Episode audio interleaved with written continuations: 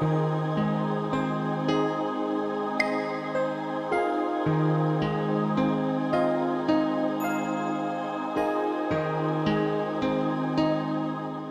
ජීවිතයක් ගත කරනයෙකු භාවනාව ජීවිතයට සම්බන්ධ කරගන්න කෙසේද.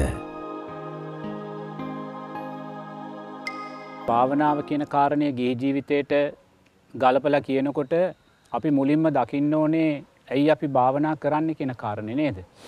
ඇයි අපි භාවනා කරන්නේ අපි මේ සංසාර දුකය කියන කාරණය මුලින්ම දැකල තමයි භාවනාවට අපි යොමුවෙන්නේ. එතොට දුක කියන කාරණය කියන මොකක්ද ජාති ජරා ව්‍යාධි මරණ සෝක පරිදේව දුක්ක දෝමනස්යන් ප්‍රියන්ගෙන් වෙන්වීම අප්‍රියන්නා එක්වීම පංච උපාදානස්කන්දය නිත්‍ය භාවෙන් ගැනීම නිතා සකස් වෙන්න වූ දුක අපි නිරේතුරුවම අත්විඳිනවා තේරනාද. ඒ දුක අත්විඳීම නිසාම අපිට මේ සංසාර බය කියන කාරණය සංසාරයේ තියෙන්න්න වූ කටුක භාවය කියන කාරණය අපි නිතරම දකිනවා. ඒ දැකල මෙන්න මේ සංසාරය කියන්න වූ දුකෙන් ගැලවීම අරමුණු කරගෙනයි අපි භාවනාවකට යොමු වෙන්නේ තේරනාද. ඒසා භාවනාවකට යොමුුවෙක්දී අපි තුළ ඉලක්කයක් තියෙන්න්න ඕන අපි කුමක් අරමුණු කරගෙනද කුමක් චන්දයක් ඇති කරන අපි භාවනාව සිද්ධ කරන්න කියෙන කාරණය. එතෙන්දි විශේෂයෙන්ම ගිහි පින්වතුල්ලාට ලෝතුරා බුදුරජාණන් වහන්සේ දේශනා කරන්නේ මේ ජීවිතේ රහත් පලයට පත්වෙන්න කියලා නෙමේ. ගිහි පින්වතුල්ලාට බුදුරජාණන් වහන්සේ නිරේතුරුවම දේශනා කරන්නේ මේ ජීවිතයේදී සතරාපායෙන් මිදන්න කියන කාරණය. තේෙන්වාද දවාදරුව පෝෂණය කරමින් අබුදරුවන් පෝෂණය කරමින් රැකී රක්ෂා ව්‍යාපාර කරමින් දේපල පාලනය කරමින් ඒවා කෙරේ තියෙන තුෂ්නාව අඩු කර ගනිමින් මේ ජීවිතය තුළ සතරපායෙන් මිදන්න කියන කාරණය කියන සෝවාන් පලට පත්වෙන කියන.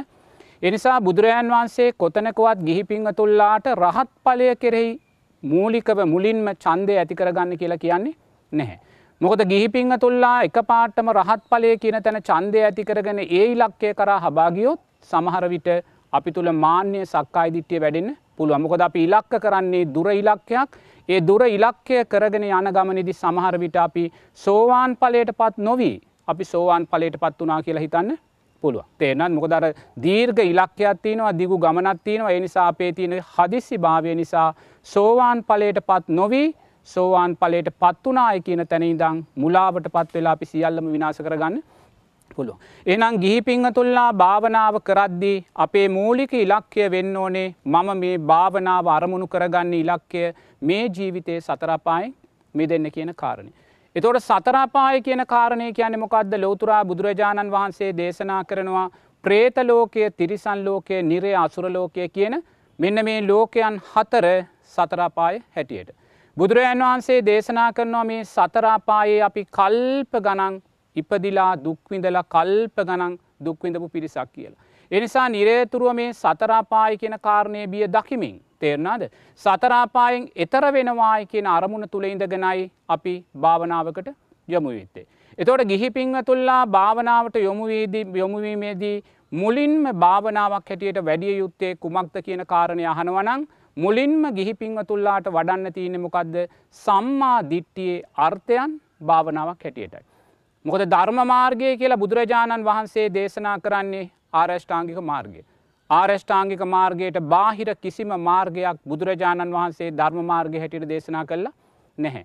බුදුරජාණන් වහන්සේ මේ ආරෂ්ඨාංගික මාර්ගය අපිට දේශනා කරන්නේ තමා තුළින් තමා වඩලා ඒ ආරෂ්ඨාංගික මාර්ගයේ ප්‍රතිඵලයන් දකින්න අවබෝධ කරගන්න. තේරනාද මොකද මේ ධර්මය කියන කාරණය තමා තුළයි සැඟවිලා තියෙන්නේ. තේරනද අපිට ලෝකයේ හොයන්නන් අවශ්‍යතාවය නැහැ. බුදුරජාණන් වහන්සේගේ සම්මා සම්බුද්ධ ඥානයෙන් බුදුරජාන් වහන්සේ මේ සංකීර්ණ වූ ලෝකය මේ නාමරූප දෙකට ගෙනල්ල පෙන්නල තිනවා. මේ සංකීර්ණ වූ ලෝකයේ නාමරූප දෙකට ගෙනල්ල පෙන්නල තිනවා.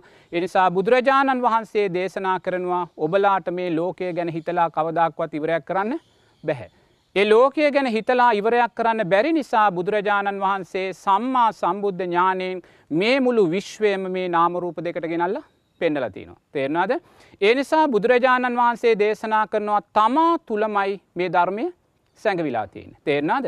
එනිසා අපිට ලෝක වටේ රටවටේ ධර්මය හොයාගෙන යන්න අවශ්‍යතාවය පිළිබඳ බුදුරජන් වන්සේ අපිට දේශනා කරන්නේ නැහැ. එනිසා තමා තුළ සැඟවිලා තියෙන ධර්මය තමා මතු කරගන්න කුමකින්ද. ආරෂ්ඨාංගික මාර්ගය. තමා තුළ මතු සැඟවිලා තියෙන ධර්මය තමා මතු කරගන්නේ ආර්ෂ්ඨාංගික මාර්ගය තුළ ගමන් කිරීම තුළින්මයි. එනිසා ආර්ෂ්ඨාංගික මාර්ගයයි නිවන් මාර්ගය කියන්නේ එනම් නිවන් මාර්ගය අරමුණු කරගෙන සෝවාන් සකෘදාගාමි පලයන් අරමුණු කරගෙන ධර්ම මාර්ගය අපි ගමන් කරද්දි භාවනාවක් වැඩියට අපි මුලින්ම තෝරාගත යුත්තෙ කුමක්ද සම්මාධිට්්‍යයයි. මොකද සම්මාධිට්්‍යය කියන ආරෂ්ඨාංගික මාර්ගයේ මුල් මාර්ගංගය වෙන සම්මා සම්මා දිට්්‍යයට පත්වීමෙන් තොරව කවදක්වත් ආරෂ්ඨාංගික මාර්ග ඉතුරු මාර්ගංග වැඩෙන්නේ නැහැ. එනිසා නිරේතුරුවම ගිහි පිංහතුල්ලා දක්ෂ වෙන්න ඕනේ භාවනාවක් මුලින්ම තෝරා ගනිද්දී සම්මා දිට්ටිය භාවනාවක් හැටියට තෝරාගන්න. එතොට සම්මා දිට්ටිය කියලා කියන්නේ මොකක්ද පලවෙනි කාරණය තෙරුවන් කෙරෙයු සද්ධාව. දෙක කර්මය කර්මඵල විශ්වාසය යහපත් දෙයක් කොළොත් යහපත් විපාකයක් තියෙනවා යහපත් දෙයක් කොළොත් යහපත් විපාකයක් තියෙනවා කියෙන විශ්වාසය. තුන පටිච්ච සමුපන්නව මැරිලා නැවත උපතක් තියෙනවා කියන විශ්වාසය. හතර දන්දුන්නොත් සිල්රැක්කොත් ආනිසංස තියෙනවා කියන විශ්වාසය. පහ අම්මා තාත්තාගේ ගුණයන් තියෙනවායි කියන විශ්වාසය හය ඕපපාතික සත්වයෙන් උපදිනවායි කියන විශ්වාසය හත අතීතයේ රහතන් වහන්සේලා හිටියයි කියෙන. එන මෙන්න මේ කාරණා හත මත තමයි ආර්ෂ්ඨාංගික මාර්ගය අපි තුළ වැඩෙන. මේ කාරණා හතෙන් බුදුරජාණන් වහන්සේ අපිෝ යොමු කරන්නේ හැකිතා කුසල් පක්ෂය කෙරෙයි අපේ චන්දය ඇති කරන්න. මුලින්ම අකුසලයෙන් අපිව බැහැර කරලා අකුසලයෙන් බැහැර කිරීම තුළ කුසලය තුළ අපි ශක්තිමත් කරලා අවසානයේදී කුසලයත් අකුසලයක් දෙකම අනිත්‍යයි කියලා දැකලා විදර්ශනානු නැතිකර ගන්න මාර්ගයකට තමයි බුදුරජන් වහන්සේ පාර පෙන්න්න. ඒ නිසා මුලින්ම මේ ධර්මමාර්ගයේ ගමන් ගනිද්දී අපි කුසල් පක්ෂය ශක්තිමත් කරගන්න වෙන. තේරනාද. කුසල් පක්ෂය ශක්තිමත් කරගනිද්දී බුදුරජාණන් වහන්සේ දේශනා කරනවා මේ ජීවිතයේ අපි කරන්න වූ මේ පින තුළින් කුසලේ තුළින් විතර අපිට මේක මතු කරගන්න බැහැ තේරනාද. ඒ නිසා අපි අතීත සංසාරයේ විපාක නොදුන්නා වූ අප්‍රමාණ කුසල් අපේ පිටිපස්සේ තියෙනවා. ඒ අතීත සංසාරයේ විපාක නොදුන්නා වූ කුසල් අපිට මතු කරලා දෙන්නේ කවුද මේ ජීවිතය අපි කරන්න වූ කුසල් තුළින්. දැ ඔබ හිතන්න ඔබ කාශ්‍යප බුදුරජාණන් වහන්සේගේ කාලේ ජීවත් වනා කියලා. කාශ්‍යප බුදුරජාණන් වහන්සේගේ කාලේ මනුෂ්‍යයාගේ පරමාශ අවුරුදු විසිදාහයි. ඔබ අවුරුදු විසිදාහක් ජීවත් වෙනවා. ඒ අවුරුදු විසිදාහයම ඔබ පින්කම් කරනවා. පින්කම් කළත් ඔබ සෝවාන් පලට පත්වෙන්නේ නැහැ. උපාදාන පච්චයා බවෝ කියන ධර්මතාවය යටතේ ඔබ මැරෙන වෙලාවේ ඔබට අරමුණු වෙන්නේ දේශයක්. දේශයක් නිසා ඔබ මොකද වෙන්න සතරපායට වැටෙනවා. ඔබ සතරාපායට වැටුනාට පස්සේ අර තිබ්බා වූ කුසල්ලොට විපාක දෙන්න පුළුවන්ද විපාක දෙන්න බැහැ. මොකද සතරාපායේ තුළ ඔබ නැවත නැවත නැවත නැවත දේශයමයි සකස් කරගන්නේ දවේශය නිසා සතරාපායෙන් සතරාපායට ගීලා නිරයන්ට යනවා මිසක් කවදාකත් ඉහට මතුවීමක් කුසලයක් මතුවෙන නැහැ. එතකොට ඔබ අවුරුද්ධ විසිදාහක් කලා වූ කුසලයට විපාක දෙන්න විදිහ නැහැ. ඒ වගේ නිරේතුරුවම අතීත සම්මා සම්බුද්ධ ශාසන ලක්ෂ ගානක අප ඉපදිලා විපාක නොදුන්නා වූ අප්‍රමාණ කුසල් අපේ ජීවිතේ තියෙනවා. එතකොටේ කුසල් ශක්තිය අපි මේ ජීවිතයට මතු කොල්ල ගන්න ඕනේ. එහම නැතු මේ ජීවිතේ අපි කලා වූ පිනෙක් විතරක් අපිට මේ ප්‍රශ්න විසඳගන්න බැහැ. එනිසා නිරේතුරුව මේ අතීතය කලා වූ කුසල් ශක්තිය අපි මතු කරලා ගන්න කුමකින්ද මේ ජීවිතය කුසලය තුළ ශක්තිමත්වීමේ. එතන මේ ජීවිතය කුසලය තුළ අපිව ශක්තිමත් කරලා දෙන කවුද සම්මාධිට්ටියේ අර්ථයන්. එනිසා නිරේතුරුවම භාවනා කරන්න බලාපොරොත්තු වෙන පිංහතුල්ලා මුලින්ම මේ සම්මාධිට්්‍යය අර්ථයන් භාවනාවක් හැටියට නුවනින් මෙනේ කරන්න. විවේකීව ඉන්න වෙලාවට එරමිනිිය ගොතාගන වේවා ඇඳේ සයනය කරන වෙලාවට වේවා විවේකීව ඉන්න ඕනෑම මුල මොහොතක සම්මාධිට්්‍යය අර්ථයන් නුවනින් දකිින්. බුදුරජාණන් වහන්සේ ධර්මරත්නය සංගරත්නය අනන්ත වූ ගුණයන් නුවනින් දකිින්. දීර්ඝ අබුද්ධෝත් පාද කාල තිබ්බයේ අබුද්ධෝත පාද කාලවල් වල මනුස්්‍යයා මිච්චා ශාස්තුන්වරුන්ට රැවටිලා වින්දා වූ අප්‍රමාණ දුක් දකිින්. ඒ අබුද්ධෝත්පාද කාල නිසා කල්ප ගණන් අපි සතරාපායට වැටුන කාරණ නුවනින් දකිින්. මෙහෙම දකිමින් මේ සම්මා සම්බුදුරජාණන් වහන්සේ නමකගේ පහළවීම තුළ මේ ලෝකයේ සත්වයා මේ අවිද්‍යාවෙන් දුර්වෙලා විද්‍යාව මතුකරගෙන මේ ලබන්නා වූ සැනසිල්ල බුදුරජාණන් වහන්සේ නිසා ධර්මරත්නය නිසා සංගරත්නය නිසා නිරේතුරුවම නුවනින් දකිමින් ජීවත්තයෙන්. එම නුවනින් දකින්න දකින්න අපි තුළ කුසලයක් ද කුසලයක්ද වැඩෙන්නේ උසල් පක්ෂය වැඩෙනවා නේද. ඊළඟට බුදුරජන් වහන්සේ සම්මාධිට්්‍යයට අදාළව දේශනා කරන්නේ යහපත් දෙයක් කළොත් යහපත් විපාකයක් තියෙනවා අයහපත් දෙයක් කළොත් යහපත් විපාකය එනිසා නිරේතුරුවම ඔබ නුවනින් දකින්න ඔබ සංසාරයේ කල්ප ගණන් ඈත අතීතයේ සම්මා සම්බුද්ධ ශාසනවල ඉපදිලා යහපත් ක්‍රියාවන් කරලා. එකනෙ කුසල් දහම් වඩලා පින් කරලා කල්ප ගණන් සස්්‍රීක දිව්‍ය තලවල සස්්‍රීක බ්‍රහ්ම තලවල කාම ලෝකයන්හි ඉපදිලා අප්‍රමාණ කාම සම්පත් වැඩුව හැටි දකිින්. නුවනින් දැකල දැකලා ඒ කුසලය කරේ චන්දය ඇති කරගන්න. ඒ වගේම අයහපත්දේ සිද්ධ කරලා. ඒක යනෙ පව් කරලා අකුසල් කරලා කල්ප ගණන් නිරයන්ට වැටිලා ගින්දරත් යෝධියත් එක්ක නිරයන්නේ දුක්වින්ද හැටිනුවනින් දකිින්. ප්‍රේත ලෝකවලට වැටිලා සෙම් සොටු කකා අප්‍රමාණ දුක්වින්ද හැටිනුවනින් දකිින්. තිරිසන් ලෝකවලට වැටිලා පුන්නක්කු කකා තනකොල කකා අපි දුක්වින්දා වූ හැටි නුවනින් දකිින්. අසුර ලෝකයේ අර මුහුද ආශ්‍රිත අසුරයෙන් වෙලා අර මහසාගරයේ කිමිදි කිමිදී කිමිදි කිමිදී කල්ප ගණන් නූ ගත කලා දකින. තේ වගේ යහපත් දේ කරද්දි අපි වින්දා වූ යහපත් විපාකත් අයහපත් දේ කරද්දි අපි වින්දා වූ අයහපත් විපාකයක් දකිමින් කුසල් පක්ෂය ශක්තිමත් කර ගන්න. ඊළඟට බුදුරජාන් වහන්සේ තුන්වෙනුව දේශනා කරන්නේ මැරිලා පටිච්ච සමුපන්නව උපතක් තියෙනවායි කියන කාරණි. එතකොටේ පටිච්ච සමුපන්නව උපතක් කියන කාරණයේදී අපි මේ ආවා වූ දීර්ඝ බවගමනක් තුළ සංසාරයේ අපි මේ ලෝකේ නොයිපුදුනා වූ තැනක් මේ ලෝකේ නැහැ.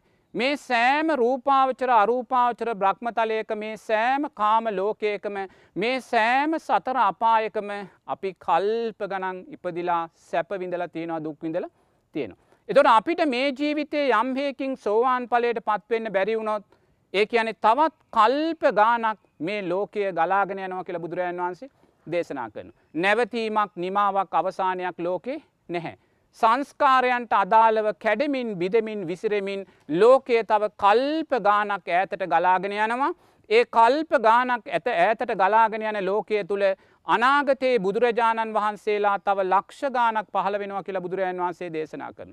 තව කල්ප විනාසයන් ඉරවල් හතක් පායල මේ මුළු පෘතුවියම අලු දූවිලි බවට පත්වෙන කල්ප විනාසයන් තව දසදහස් ගානක් අනාගතය සිද්ධ වෙනවා කියලා කල්පනා කර. එහෙම දැකලා පටිච්ච සමුපන්නව උපතක් තියෙනවායි කියෙන කාරණයේදී අපි නිරේතුරුවම මේ උපත උතුම් සෝවාන් පලයට පත්වෙලා උපරිම ආත්ම භාව හතකට සීමා කර නොගත්තොත්. තව කල්පසියක් කෝටි ගානක් ඈතට මේ බවගමන යනවායි කියෙන කාරණය නුවනින් දකින. ඊට පස්සේ බුදුරජන් වහන්සේ හතරවෙනි කාරණය හැටියට දේශනා කරන්න මොකක්ද දන්දුන්නොත් සිල් රැක්කොත් ආනිසංස තියෙනවායි කියෙන කාරණය. එනිසා නිරේතුරුව නුවනින් දකින්න සංසාරයේ දන්දීම නිසා දානයේ ආනිසංසයන් නිසා ආයුෂ වර්ණය සැපය බලය ලැබිලා සක්විති රජක පදවි ලබලා සක්‍ර පදවි ලැබලා සස්්‍රීක දිව්‍ය සම්පත් දිව්‍ය විමාන ලබලා මේ මනුස්ස ලෝකය තුළ සස්්‍රීක රජ සිටු සම්පත් ලැබලා වින්දා වූ අසිරිය නුවනි දකින්න. ඒ වගේම දන් නොදීම නිසා සිල් නොරැකීම නිසා අන්ත දුප්පත් තැංගොල ඉපදිලා අප්‍රමාණ කුසගින්නට ආහාරයක් නැතුව බොන්න ජලයක් නැතුව ඉන්න නිවහනක් නැතුව ඒ දන් නොදුන්නා වූ විපාකයන් වින්දා වූ නුවනින් දකින්න තේරනත්. ඒ වගේම සිල් නොරැකීම නිසා දන් නොදීම නිසා සතර අපායන්ට වැටිලා ප්‍රේත ලෝකවලට වැටිලා දුක්වින්දා වූ අප්‍රමාණ දුකනුවනින් දකිින්. ඒ වගේ ඊළඟ කාරණය තමයි අම්මා තාත්තාගේ ගුණයන් පිළිබඳ විශ්වාසය. සංසාරයේ මේ ආවා වූ දීර්ඝ ගමනෙදී බුදුරජාණන් වහන්සේ දේශනා කරනවා ඔබට අම්මා තාත්තා නොවෙච්ච කෙනෙක් මේ ලෝකෙ නෑ කියලා. මේ ලෝකයේ ඉන්න මේ මනුස්ස ලෝකයේ ඉන්න සෑම මනුස්සෙක්ම ඔබට සංසාරයේ අම්ම කෙනෙක් තාත්ත කෙනෙක් වෙලා තියෙනවා. මේ දිව්‍ය තලවල බ්‍රහ්ම තලවල ඉන්න සෑම දෙවියෙක් බ්‍රහ්මයෙක්ම සංසාරයේ ඔබට අම්ම කෙනෙක් වෙලා තාත්ත කෙනෙක් වෙලා තියෙනවා. මේ සතර අපාය ඉන්න සෑම තිරිසන් සතෙක්ම සංසාරයේ ඔබට අම්ම කෙනෙක් තාත්ත කෙනෙක් වෙලා එනම් මේ ලෝකයේ ආයිමත් අපිට අලුතෙන් අම්ම කෙනෙක් තාත්ත කෙනෙක් වෙන්න කෙනෙක් නැහැ. ඒසා දීර්ඝ සංසාර ගමනකකි අපි අම්මා තාත්තාට සැලකීම නිසා සක්‍රයා වෙලා හිටපු ඇති නුවනින් දකිින්. බුදුරජන් වහන්සේ කියනවා සක්‍රයා වෙන්න අවශ්‍යනං ඔබට ඔබ කළ යුතු එක කාරයක් තමයි අම්මා තාත්තාට උපස්ථානය කිරීම. කර්මය කර්මඵල විශ්වාසයෙන් අම්මා තාත්තාට උපස්ථානය කරන. එවැනි උපස්ථානයන් කරලා කල්ප ගණන් ඔබ අර තවතිසා දිව්‍ය තලයේ සක්‍රයා වෙලා හිටපු ඇටිනුවනි දකිින්. ඒ වගේ අම්මා තාත්තාට නොසලකීම නිසා අප්‍රමාණ සතරාපායන්ට වැටිලා දුක්විඳපු හැටි දකිින්. ළමා නිවාසවල අම්මතාත්තා නැතුව අප්‍රමාණ දුක්වින්ද හැටි නුවනින් දකිින්. පුංචි කාලේ අපි ඉපදින වෙලාවෙම අම්මා තාත්තා මිය ගිහිල්ලා අම්මා තාත්තාගේ සරණ අහිමිවෙච්ච හැටි නුවනින් දකින. දකිමින් නිරේතුරුව කුසල් පක්ෂය වැඩි කරගන්න. ඊළඟට බුදුරජාණන් වහන්සේ දේශනා කරනවා ඕපපාතික සත්වයෙන් නිපදෙනවායි කියන විශ්වාසය. එතකොට ඔබ බලන්න ඕපපාතික සත්වයෙක් හැටියට ඔබ අතීතයේ දිව්‍ය තලවල බ්‍රහ්ම තලවල ඉපදිලා වින්දා වූ අසිරියනුවනි දකිින්. ඒවගේම ඕපපාතික සත්වයෙක් හැටියට ඔබ සතරාපායන්ට වැටිලා ප්‍රේතලෝකයේ නිරයන්ට අසුරලෝකයට වැටිලා වින්දා වූ අප්‍රමාණ දුක්නුවනි දකිින්. දකිමින් මේ ජීවිතයේ උතුම් සෝවාන් පලයට පත්වෙන්න බැරිවුණොත් ඒසා දීර්ග වූ ඕපපාතක උපත් කරා ගිහිල්ලා සංසාරයේ විඳින්න වෙන්න අවුදුකනුවනි දකිනු. මේ සියල්ල මේ ආකාරයෙන් දකිද්දි අපි තුළ වැඩෙන්නේ කුසලයක්ද අකුසලයක්ද කුසල් පක්ෂය වැඩෙන්නේ. කුසලය කරේ බුදුරජාණන් වහන්සේ සම්මා දිට්ටියේද අපේ චන්දය ඉස්සෙල්ලා ඇති කරනවා. මේ කාරණා තුළින් කුසල් පක්ෂය කරේ චන්දය ඇති කරලා අවසානි බුදුරජාණන් වහන්සේ දේශනා කරනවා ඔබ අතීතයේ සෝවාන් සකෘදාගාමි අනාගාමි අරිහත් උත්තමයන් හිටියාය කෙන විශ්වාසය ඇති කරගන්න කළ එතනති මොකද බුදුරජන් වන්සේ කියන්නේ.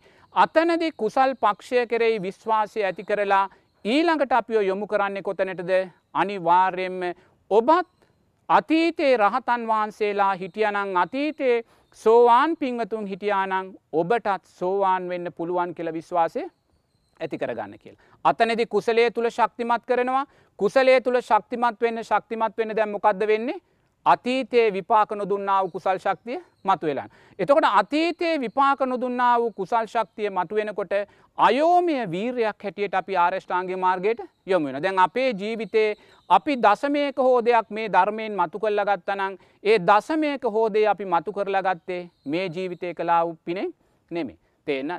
අපි එදා මෙහෙම දෙයක් අපි දැනගෙන හිටියේ නෑ නමුත් ඉන්ද්‍රීය ධර්මයන්ගේ දියුණුභාවයක් හෝ වැඩීමක් නිසා අපි මේ ජීවිතය කරන්න වූ පින්කම් කුසල් දහම් වැඩිවෙන්න වැඩිවෙන්න මොකද වනේ අතීතයේ විපාකන දුන්නා වූ පින.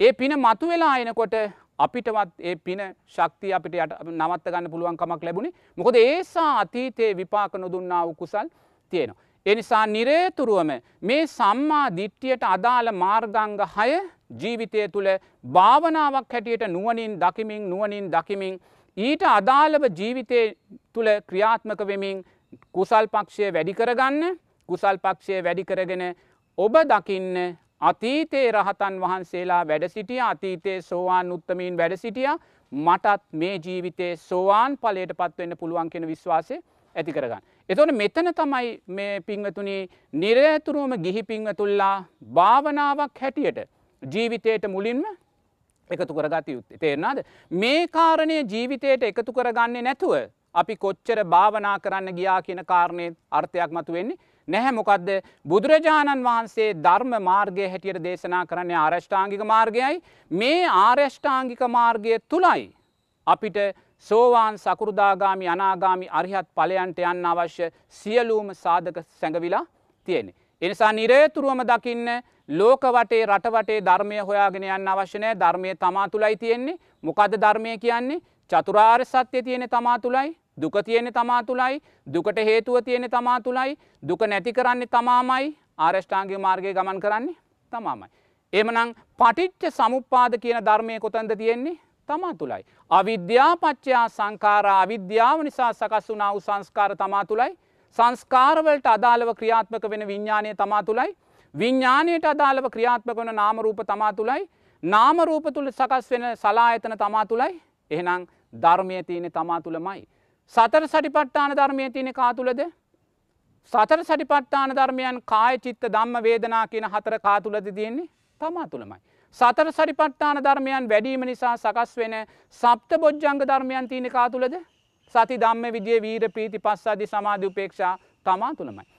එනම් බලන්න ආර්යෂ්ඨාංගික මාර්ගයක් තමා තුළින්නම් වැඩෙන්නේ චතුරාර් සත්‍ය ධර්මයනුත් තමා තුළින්නම් වැඩෙන්නේ පටිච්ච සමුපාදයක් තමා තුළින්න තිලනන් තියෙන්නේ සතර සටිපට්ටානයක් තමා තුළින්නම් වැඩෙන්නේ සප්ත බොජ්ජංගයක් තමා තුළින්නම් වැඩෙන්නේ අවසානය පංච උපාදානස්කන්දයක් තමා තුළින්නම් තමා අවබෝධ කරගන්නේ ධර්මය තියන මෙතන. තේරනාද එන ලෝකෙ වටේ ධර්මය හොයන්න යන්න අවශ්‍ය? ලෝකෙ වටේ ධර්මය හොයන්න යන තාක්කල් අපි හොයන්නේ අධර්මයක්. මොකද තමා තුළයි ධර්මය තියන තේරනාද. එනිසා තමා තුන තියෙන ධර්මය ආරෂ්ඨාංගික මාර්ගයෙන් මතු කල්ල ගන්න. ආරෂ්ඨාංගික මාර්ගයෙන් මතු කල්ල ගන්න. ආරෂ්ඨාංගික මාර්ගයෙන් මතු කර ගනිද්දී ආරෂ්ඨාංගික මාර්ගයේ පරිපූර්ණ වෙන තැනදී සම්මා ඥාන සම්මා විමුක්ති තුළින් අපිට භවනිරෝධයට අවශ්‍ය පාර සකස් කරන. එනිසා නිරේතුරුවම දක්ෂ වෙන්න භාවනාවක් හැටියට මුලින්ම මේ සම්මා දිට්ටිය අර්ථයන් ජීවිතයට එකතු කරගන්න.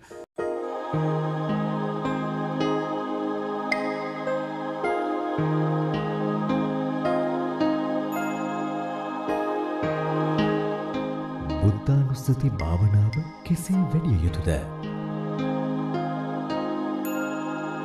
බුද්ධානුස්සතිය ගැන කතා කරද්දිත් අපිට ආයිමත් සම්මාධිට්්‍ය අර්ථයටමයි යන්න වෙන්නේ. තේරනාද මොකද සම්මාධිට්්‍යය මුල්ම අර්ථය තමයි තෙරුවන් කෙරෙ වූ සද්ධාව තෙරුවන් කෙරෙහි සද්ධාව කිව්වේ බුදුරජාණන් වහන්සේ ධර්මරත්නය සංගරත්නය කරේ ඇති කර ගන්නාව සද්ධාව. තේනාද.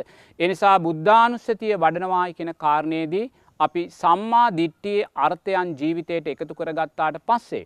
අපි ඊළඟට අනිවාර්යෙන්ම බුද්ධානුස්සතිය තුළයි ශක්තිමත් වෙන්න ඕනේ. මොකද මේ ධර්මමාර්ගය තුළ ගමන් ගනිද්දී අපිට සෑම දේකටම වඩා මුල්වෙන්න ඕනේ ලෝතුරා බුදුරජාණන් වහන්සේ. තේරනාද. ලෝතුරා බුදුරජාණන් වහන්සේගේ බාහිරව ලෝතුරා බුදුරජාණන් වහන්සේගේ සරණින් පිහිටෙන් බාහිරව අපිට මේ ධර්ම මාර්ගයක දසමයක්වත් ඉස්සරහට යන්න බැහැ. එනිසා ධර්මමාර්ගය තුළ ගමන් කනිද්දී අපි නිරේතුරුවම මුල් කරගත යුතු කාරණය තමයි ලෝතුරා බුදුරජාණන් වහන්සේ කියන කාරණය. එනිසා නිරේතුරුවම ලෝතුරා බුදුරජාණන් වහන්සේගේ ගුණයන් ඥානයන් තුළින් බුද්ධානුස්සතිය වඩද්දී ඔබ මුලින්ම ඔබට දැනෙන බුදුරජාණන් වහන්සේ සිහියට නගාගන්න. අපිට දැනෙන බුදුරජාණන් වහන්සේ තියනවල් බුදුරජාන් වහන්සේගේ ගුණයන් ඥානයන් අපි සද්ධර්ම ශ්‍රවණය තුළින් පතපොත තුළින් දැකලා කියවලා අපි දැනගත්තා වූ බුදුරජාණන් වහන්සේ කියන රූපයක් තියෙනවා නේද. එනිසා තමන්ට දැනෙන්න වූ බුදුරජාණන් වහන්සේ කියන කාරණය මතු කොල්ලගන්න. දැ මට එක පාට්ට බුදුරජාණන් වහන්සේ කියලා සිහිපත් වෙද්දී. අර අතීතයේ ඈත සාරා සංක කල්ප ලක්ෂ ගානකට ඉස්සෙල්ලා අර දීපංකර බුදුරජාණන් වහන්සේගේ පාදමූලෙදී අර මඩ වගුරක වැතිරිලා දීපංකර බුදුරජාණන් වහන්සේට පාවඩයක් වෙච් අපේ බෝධිසත්වයින් තමයි මතකෙටෙන්. මොකද මේ දීර්ඝ වූ ඈත ගමනේ ආරම්භයන්න එතනයි. තේරනාද. එතොට බලන්නේ දීර්ඝ වූ ගමනේදා දීපංකර බුදුරජාණන් වහන්සේ අපේ බෝධිසත්වයින්ට ඔබ මතු සම්මා සම්බුද්ධ ශාසනයක ගෞතම බුදුරජාණන් වහන්සේ හැටියට බුද්ධත්වයට පත්වෙනවා කියපු වෙලාවේ අපේ දීපංක අපේ බෝධිසත්වයෝ කොයිසා සතුටකට පත් වනාදනේ. බලන්න සාරා සංක කල්ප ලක්ෂ ගානක් දස පාරමීදම් පුරාගෙන යන්න තියෙන ඒසා කටුක දුක්ඛිත මාර්ගයක් දැකලත් එදා අපේ බෝධිසත්වයෝ කොයිසා උපේක්ෂාවෙන්දේ ගමනට පියවර තබන්නේ නේද. ඒසා දීර්ඝ කටුක බවක් දැකලත් උන්වහන්සේ මහා කරුණාවෙන් මේ සත්වයා කෙරෙහි පතල කරුණාවෙන් එදා උන්වහන්සේ තීරණය කරනවා මම සාරා සංක කල්ප ලක්ෂ ගානක් ඈතට ගිහිල්ලා මේ උතුම් සම්මා සම්බුද්ධ රාජ්‍ය අවබෝධ කරගෙන ඔබටත් මටත් මේ සැනසිල්ල ලබා දෙනවා කියලා. නමුත් යම් හේකින් එදා ඒ බෝධිසත්වයෝ ඒ තීරණය ගන්නේ නැතුව මම එදා දීපංකර බුදුරජාණන් වහන්සේගෙන් බණහල මම උතුම් චතුරාර් සත්‍ය අවබෝධ කරගන්නවා කියලා හිතුවනං අද අපිට මේ ධර්මය තියෙනවාද එනම් අද අබුද්ධෝත් පාද කාලයක් බවටයි පත්වෙන්. එනගේ අබුද්ධෝත්පාද කාලය යට කරලා මේ උතුම් සද්ධර්මය අපිට මතු කරලා දෙන්නේ කවුද ලෝතුරා බුදුරජාණන් වහන්සේ එදා දීපංකර පාදමූලේදී ඇතිකරගත්තා වූ ඒ මහා කරුණා සහගත චිත්තයමයි අපිට මෙතෙන්ටාව. එනිසා නිරේතුරුව බුදුරජාණන් වහන්සේගේ ගුණයන් සීපත් කරද්දී ඔබ මුලින්ම දකින්න ඕනේ බුද්ධෝත්පාද කාලයකත් අබුද්ධෝත්පාද කාලයකත් අතර තියෙන්නාව වෙනස. මොකද මේ මොහොතේ මේ ධර්මය සැනසිල්ල තියෙන නිසා සීලේ දානේ සමාධයේ ප්‍රඥාවේ සැනසිල්ල තියෙන නිසා අපිට අබුද්ධෝත් පාද කාලවල්ල තියෙන කටුක භාවය තේරෙන්නේ නැහැ. කාශ්‍යප බුදුරජාණන් වහන්සේ මීට අවුරුදු ලක්ෂ පහලෝකොටත් එහා තමයි බුද්ධත්වයට පත් වනේ. මොකද කාශ්‍යප බුදුරජාණන් වහන්සේගේ කාලේ පරමාවිශ අවුරුදු විසිදාහයි. එතකොට අපේ බුදුරජාණන් වහන්සේ පහළ වෙනකොට මනුෂ්‍යයාගේ පරමාවිශ අවුරුදු එකසිය විස්සයි. එතවට බලන්න අවුරුදු විසිදාහක පරමාවිශ අවුරුදු එකසිය විස්සට බහින්න නං අවම වශයෙන් අවුරුදු ලක්ෂ පහලෝක කාලයක්වත් යන්න ඕනේ. ඒකන කාශ්‍යප බුදුරජාණන් වහන්සේගේ ශාසනය අතුරුදහන් වෙලා අවුරුදු ලක්ෂ පහලෝක වගේ දීර්ඝ අබුද්ධෝත්පාද කාලයක් පසු කරගෙනයි අපේ බුදුරජාණන් වහන්සේ මේ බුද්ධෝත්පාද කාලය මතු කල්ලගන්න. එතකොට යම් හේකින් තව යම් ඉදිරි කාලයකදී මේ සම්මා සම්බුද්ධ ශාසනය අතුරුදහන් වුණ වෙලාවට. ආයිමත් මෛත්‍රී බුදුරජාණන් වහන්සේ පහළ වෙන්නේ මනුස්්‍යයාට පරමාශ අවුරුදු අසූදාහක් ගිය තැනදි. එතොට බලන්න අවුරුදු අසූදාහක් පරමාශ තියන මනුස්්‍යයෝ පහළ වෙන තව කොච්චර කල්යයිද. අද අද වර්තමානයේ පරමාශ මනුස්සේගේ අවුරුදු අසුවක් අසූ පහක් වගේ වෙනවා. මේ අවුරුදු අසුව අසූ පහ බුදුරජාණන් වහන්සේ කියනවා මෙහෙම ගිහිල්ල මෙහෙම ගිහිල්ල මේ මනුස්්‍යයා දුස්සීල භාවයට පත්වෙලා දුස්සීල භාවයට පත්වෙලා මුර්ග සංඥාව කියන තැන්ට මනුස්සයා වැටෙනවා. කියන්නේ මුර්ග සංඥාව කියන මනුස්සෙක් තව මනුස්සෙක් දකින්නේ තිරිසන් සතෙක් වගේ මරාගන්නවා කියනවා කොටා ගන්නවා කියනවා කපා ගන්නවා කියනවා මේ පෘතුවියමලේ විලක් වෙනවා කියනවා. එතකොට එතෙන්ට යන්නේ කුමක් නිසාද දුස්සීල භාවය නිසා. එතකොට මේ දුස්සීල භාවය නිසා මනුස්්‍යයාගේ ආයුෂ හීන කරලා හීන කරලා හීන කරලා මනුස්්‍යයාගේ පරමාශ අවුරුදු දහයයි කියන තැන්ට එනවා. එදාට මනුස්සෙක් අවුරුදු හතර වෙනකොට කසාද බඳිනවා. අවුරුදු පහ වෙනකොට යාට දරුව හම්බ වෙලා. අවුරුදු හතාට වෙනකොට යා මැරිලා ගිහිල්ල ඉවරයි මොකද පරමාශ තමයි අවුරුදු දහය.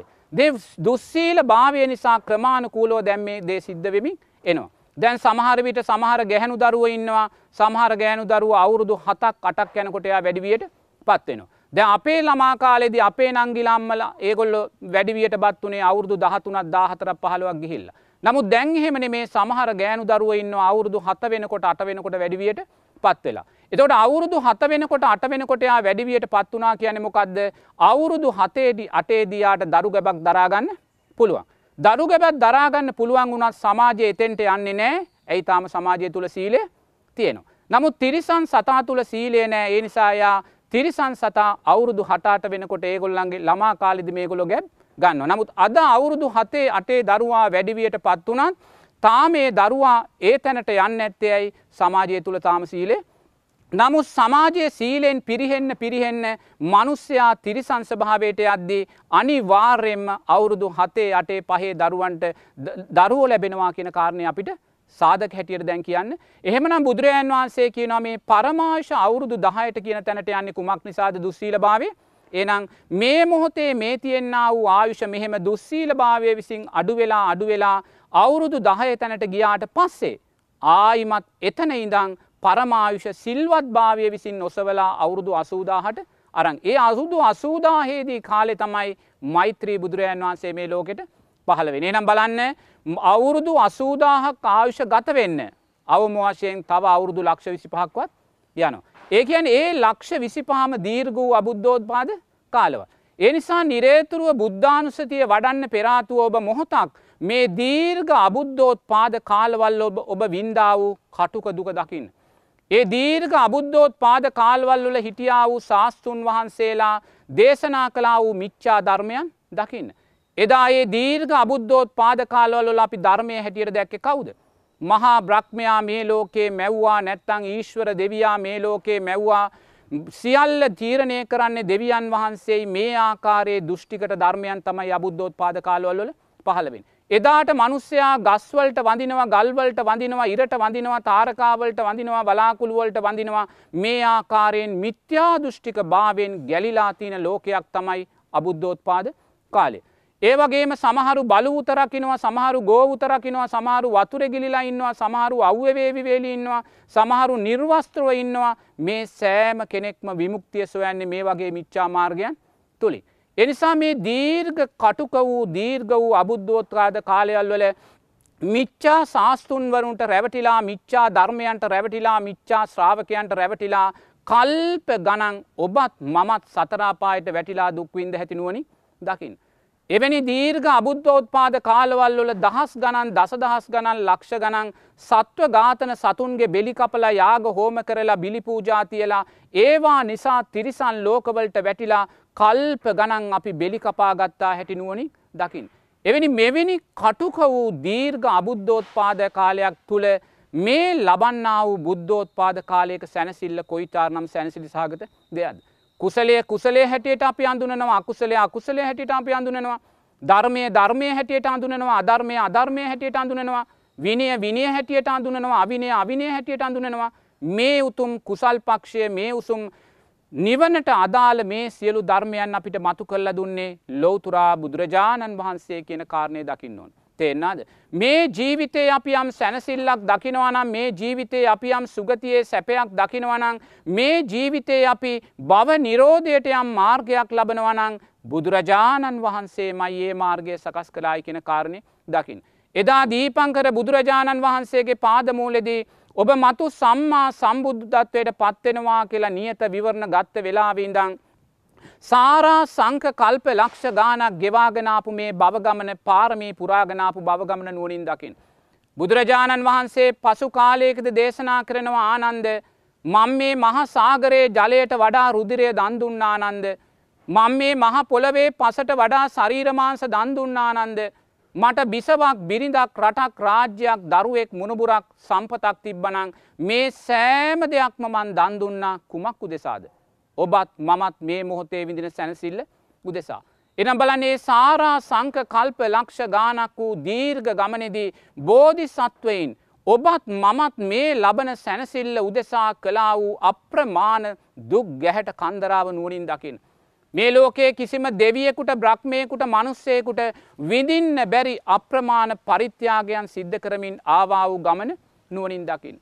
ඉන් පස්සේ බුන්වහන්සේ සිදුහත් කුමාරය හැටියට උපත්තිය ලබනවා. මේ සක්විති රජකමේ උරුමය ලබාගෙනයි උන්වහන්සේ උපත්තිය ලබන්නේ. ඒ වගේම අර අප්‍රමාණ සස්්‍රීක රාජ කුමාර ජීවිතයක් ගත කරනවා. රම්ය සුරම්ය සුභ මාලිගා ලබනවා. බුදුරජන් වහන්සේ පසු කාලයක දේශනා කරනවා ආනන්ද තරුණ කාලේ මං හරිම සුකෝපභෝගී ජීවිතයක් ගත කළේ. මට රම්ය සුරම්ය සුභ කියලා මාලිගා තුනක් තිබ්බා. ඒ මාලිගාවල් වල මං යම් ඇඳුමක් පරිහරණය කරානං යම් පොරෝණයක් පරිහරණය කරානං ඒවා ඉතාමත් සිනුදු සිනුදුම පොරෝණමයි මං පරිහරණය කළේ. සිනුදු සඳුන්මයි මං ඇඟ ගැල්වේ. මං හේමන්ත කාලෙට හේමන්තයට අදාළ පහය වැඩඉන්නවා. ග්‍රීෂ්ම කාලෙට මං ග්‍රීෂ්මයට අදාළ පහය වැඩ ඉන්නවා මම වර්ෂා කාලේ උඩු මහලට වෙලා ඒ මාස තුන ගත කරනවා අර රාජ්‍ය කන්‍යාවියෝ නැටුමෙන් ගැයුමෙන් වැයුමෙන් මාව කුල්මත් කරනවා මං ඒ මාස තුනේ කවදක්වත් පල්ලෙ හටාවේ නෑ කියනවා. මගේ රාජ මාලිගා තුනේ හිටිය සෑම රාජ්‍ය සේවිකාවටම ඇල්හාලේ බතුයි මසුයි දුන්නේ කවදක්වත් එලෝලුයි බතුයි අපි දුන්නේ නෑ කියනවා. ඒසා සස්්‍රීක කුමාර ජීවිතයක් මම ගත කලා ආනන්ද කියලා බුදුරජාණන් වහන්සේ. එබලන ඒසා සස්්‍රීක කුමාර ජීවිතයක් ගත කරලා. අර යසෝදරාව රාහුල වගේ රූමත් බිරිඳක් දරුවෙක් අතහැරලා මේ සියල්ල අතහැරලා අර දුෂ්කරක්‍රියා කිරීම උදෙසා අභිනික්කමනය කරනවා නුවනින් දකින්න. තේරනද. මේසා අසිරිමත් සම්පතක් කොයි ආකාරයෙන් අතහැරියාද කියන කාරණය දකිද්දී. අපේ උදෙසා මේ සියල්ල අතහරියාය කියන කාරණය අපි දකින්න දක්ෂ වෙන්න ඕන් තේෙන්න්න. එහෙම දකිමින් හය අවුරුද්දක් බුදුරජා බෝධිසත්වයෙන් වින්දා වූ දුෂ්කරක්‍රියා නුවරින් දකිින්. බුදුරජාන් වහන්සේ දේශනා කරනවා පසුකාලීනව ආනන්ද මං මේ වින්දා වූ අප්‍රමාණ දුක මේ ලෝකයේ කිසිම දෙවියෙකුට බ්‍රහ්මයකුට මනුෂ්‍යයකුට විඳින්න බෑආනන්ද. මම හිතුවේ දුක තුළින්මයි මං මේ දුක ජයගන්නවා කියලා. මට ගුරුවරයෙක් හිටිය නෑ මාර්ගය කියාගන්න කෙනෙක් හිටිය නෑ පතපොතක් තිබුණේ නෑ මා තමා තුළින් මම දැක්කේ දුක තුළිනුයි මට මේ දුක ජයගන්න පුළුවන් කියලා. එනිසා ආනන්ද මං මේ ශරීරයට අප්‍රමාණ දුක්දුන්න මං සමහරවල ගිහිල්ල සොහොන්වල නිදාගන්න අර විසිරිලා තියන ඇට ටික එක ගොඩක් ගහල කොට්ටයක් කරගෙන ඇට මත ඔලුව තියාගෙන මන් නිදාගන්නවා. හරක් බලන්න යන ගොපලු දරුව ඇවිල්ලා කෝටු කෑලි අරම් මගේ කන්සිදුරුවලට ගහනවා මට තේරෙනවා කන්සිදුරු කඩාගෙන ඇතුළට යනවා කියලා ඒත් මං කවදක්වත් දේශයක් ඇති කරගත්තෙනෑ සමහර ගොපලු දරුව මගේ ළඟට ඇවිල්ල මගේ මූුණට මුත්‍රා කරනවා. නමුත් මංගේ මුත්‍රා කරද්දිත් උපේක්ෂාවෙන් වින්දාමිසක් කවදක්වත් දේශයක් ඇතිකර ගත්තේ ඇයි ඒම වින්දේ? ඔබටත් මටත් මේ සැනසිල්ල ලබාදීම උදෙසාමයි. බුදුරජන් වහන්සේ කියනවා දුක තුළින්මයි දුක ජයගන්න කියන කාරණය තුළ එදා මම නෑවෙ පිළිසිඳ වනේ නෑ. මට දැනෙනවා මගේ ශරීරයේ කුණු තට්ටු ගණන් තියෙනවා. නමුත් ඒවා කඩලා අයින් කරන්න මට හිතෙන්නේ මොකද මම හිටිය දෘෂ්ටියකයි මම හිතුවේ දුක තුළින්මයි දුකජයගන්න කියන තැන ඉඳල කියන. ආයිමත් බුදුරජාණන් වහන්සේ සූත්‍රගතව කියනවා ආනන්ද මම සමහරදාට වැළඳුව එක කඩල ඇටයයි සමහරදාට වැළඳුව එක මුං ඇටයයි සමහරදාට එක වැළඳුවේ මම් බත් ඇටයයි. ඊට වඩා දෙයක් මං මේ කයට දුන්නේ නෑ ඇයි දුක තුළින්මයි මන් දුක ජයගන්නවා කියලා හිතුවේ. එහෙම වෙද්දි මගේ ශරීරය කෘස වුණා මගේ ශරීරය ක්ලාන්ත වුණා එහෙම වෙලාමම් වැටෙනවා මන් සුමාන දෙක වැටිලා ඉන්නවා මට නැකිට ගන්න පණනෑ. නමුත් මං අවසානය පන සිහි එන වෙලාවෙ මම් බඩ ගාගෙනර ගොපලු හරක් රෑන් ඉන්න තැන්ට යනවා.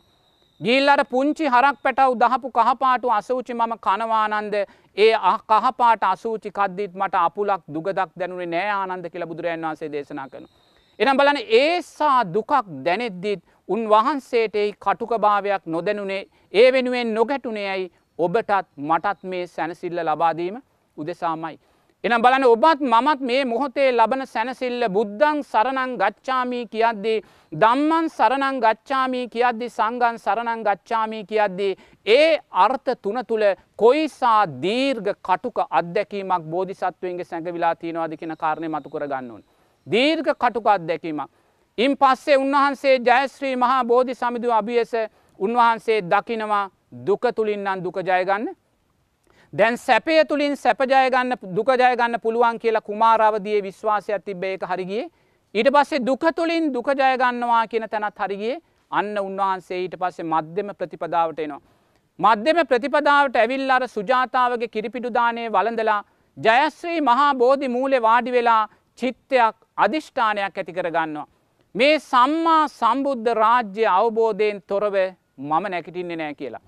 මොකද මේ කරන්නේ ජීවිතේ මරණයට දානවා. ජීවිතේ මරණයට දානවා කියන පංචුපාදානස්කන්දය අතහරිනවා.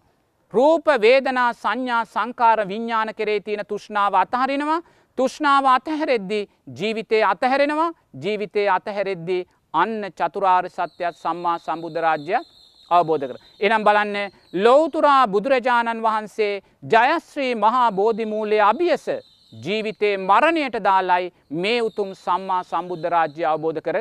එනම් මේ ලෝක සත්වයා කෙරෙයි පතල කරුණාවෙන් බෝධි සත්වයෙන් ජයශ්‍රී මහා බෝධිමූලෙදී ජීවිතේ මරණයට දානවා. ජීවිතේ මරණයට දැම්මත් මාරයා ජීවිතේ මරණයට තල්ලු කළත් දස පාරමී ධර්මයන් පුරාගන සාරා සංක කල්ප ලක්ෂ ගානක් කාවා වූ ගමනේ කුසල් ශක්තිය විසින් ජීවිතේ මරණයට වට්ටන්නේ නැහැ. අර කුසල් ශක්තියේ බලවත්භාවය නිසා ජීවිතෙත් ගොඩට ඇවිල්ලා උතුම් සම්මා සම්බුධරාජ්‍යත් අවබෝධ කර ගන්න. එහෙනම් අපි දකින්න ඕනේ ඔබත් මමත් මේ ධර්මය ලබන සැනසිල්ල අපි ලබන්නේ බුදුරජාණන් වහන්සේ ජීවිතේ මරණයට දාලා කලාව් පරිත්‍යයාගේ පලයන් තුළින්මයි. එනම් ඔබ දකින්න සාරා සංක කල්ප ලක්ෂ ගානක් කාවා වූ මේ දීර්ඝ ගමනෙදී බුදුරජාණන් වහන්සේ මහ සාගරයේ ජලය පරාද වෙන්න රුදිරය දන්දුන්නනං මහා පොළවේ පස් පරාද වෙන්න ශරීරමාංස දන්දුන්නනං ජීවිතේ කී ලක්ෂවාරයක් මරණයට දාන්න ඇද්ද කියලා. ජීවිතේ කී ලක්ෂවාරයක් මරණයට දාන්න ඇද්ද. බුදුරජාණන් වහන්සේ කියලා සිහිපත් වෙද්දී බුදුරජාණන් වහන්සේ තුළින් අපි දකින්නේ අනේ මේ ලෝතුරා බුදුරජාණන් වහන්සේ කියන අර්ථය අපිට කියල දෙන්න බෝධි සත්‍යයෝ ලක්ෂ කීවාරයක් ජීවිතේ මරණයට දැම්මාද කියන කාරණයයි. ඉන් පස්සෙ මේ උතුම් සම්මා සම්බුද්ධ රාජ්‍ය අවබෝධ කරගෙන හතලිස් පස් වසරක් පුරාවට උන්වහන්සේ මොකක්ද කරන්නේ දිවාරෑ නොබලා ජනතාවගේ ලෝකයාගේ සැනසිල්ල උදෙසා ධර්මාවබෝධය උදෙසාම කටයුතු අවසාන පිරිනිවන් මංචකේ සැතපිලත් අවසාන මොහොතෙමොකක්ද කියන්නේ මහනෙන හිස ගිනිගත්තෙක් ඒ ගිනි නිවන්නේ යම්සේද මේ බවගමන නිවාගන්න කියලයි. ඒ කියන්නේ මොකක්ද මේ සංසාර බවගමන ඒසා කටුක දෙයක් විෂම දෙයක්. ඒ කටුක විෂමභාවය දැකලා භවය ගැන නෙමේ මේ ජීවිතයේදීම මේ උතුම් අධිගමයන් සාක්ෂාත් කරන්න කියන කාරණය බුදුරජන් වහන්සේ අපිට මතක් කලද. එනිසා බුදුරජාණන් වහන්සේ කියලා කියද්දේ මුලින්ම අර දීර්ඝ අබුද්ධෝත්පාද කාලයන්හි සත්වයා විඳින්නා වූ කටුක දුක දකින්න. ලෝකයේ ඊශ්වරගේ නිර්මාණයක් එහෙම නැත්තම් මහා බ්‍රහ්මයාගේ නිර්මාණයක් සියල්ල මවන්නේ මහා බ්‍රහ්මයා සියල්ල සිද්ධ වෙන්නේ බ්‍රහ්මයාගේ කැමැත්ත මත කියන මෙන්න මේ මිත්‍යා ධර්මයන් තුළ රැවටිලා වින්දා වූ කල්ප ගණන් දුක අපි නුවනින් දකින්න. දැකලා ලෝතුරා බුදුරජාණන් වහන්සේ මතු කරලා දුන්න මේ ආර්යෂ්ඨාංගික මාර්ගය තුළ අපි ලබන්නා වූ කුසලේ සැනසිල්ල සුගතියේ සැනසිල්ල බව නිරෝධයේ සැනසිල්ල නුවනින් දකිමින් අන්න බුදුරජාණන් වහන්සේ කරේ බුද්ධානුස්සතිය ඇති කරන්න. විවේකීව ඉන්න වෙලාවට නිරේතුරුව මේ කාරණා සිතමින් මේ කාරණාවලට අදාළව ඔබ තුළ බුදුරජාණන් වහන්සේගේ ගුණයන් කෙරේ ඥානයන් කෙරේ විශ්වාසය ඇති කරන්න. දැම් බුදුරජාණන් වහන්සේ කියල සිහිපත් වෙද්දී මට මගේ මේ ඇස් දෙක දකිද්දී මට එක පාට සිහිපත් වෙන්නේ බුදුරජාණන් වහන්සේමයි. මොකද මේ ඇස් දෙක කියන්නේ උතුම් බුදුගුණයක් මයි. මොකද මට මේ ඇස් දෙක මේ ආකාරයෙන් ලැබුණේ කුමක් නිසාද කුසල් සංස්කාරයක් නිසාමයි. මම ගිය ජීවිතේ අකුසල් කලානං මට මේ ජීවිතේ ජාති අන්දෙක් වෙලා මං උපදින්න තිබ්බා. එනම් මම අන්දෙක් නොවීමේ ලස්සන ඇස් දෙක ඔබට ලැබුණේ කුමක් නිසාද ඔබ ගිය ජීවිතේ කුසල් පක්ෂය වැඩුව නිසායි. ඔබට කුසල් පක්ෂය වඩන්න ගිය ජීවිතේ මාර්ගය කියල දුන්නේ කවුද ලොවතුරා බුදුරජාණන් වහන්සේමයි. එනම් මේ ඇස් දෙක දකිද්දි ඔබට සිහිවෙන්න ඕනේ බුදු ගුණයක් නිසාමයි මේ ඇස් දෙක මට ලැබුණ කියෙන කාරණය. මේ කන දකිද්දී ඔබ සිතන්න ඕනෙ මේ කන ලැබුණේ ලෝතුරා බුදුරජාණන් වහන්සේ නිසාමයි මොකද ඔබ ගිය ජීවිතේ අකුසල් වැඩුවානං ඔබ මේ ජීවිතේ ජාති බිහිරි කෙනෙක් වෙලා උපත්තිය ලබන්න තිබ්බ. එනම් ඔබට මේ වගේ කන් දෙකක් ලැබුණෙ කුමක් නිසාද? ඔබ ගිය ජීවිතය තුළ කුසලේ තුළ ශක්තිමත් වනා කුසලේ තුළ ශක්තිමත් වෙන්න පාරකිව්ව කවුද? බුදුරජාණන් වහන්සේමයි. ඔබට මේ රූපය මේ ආකාරයෙන් පරිපූර්ණ රූපයක් ලැබුණෙ කුමක් නිසාද? බුදුගුණයක් නිසාමයි මොකද ඔබ පෙරජීවිතය කුසල් පක්ෂය? ඔබ පෙරජීවිතේ අකුසල් වැඩුවානං ඔබ මේ ජීවිතේ අංගවිකල භාවයට පත්වෙලා උපත්තිය ලබන්න තිබ්බ.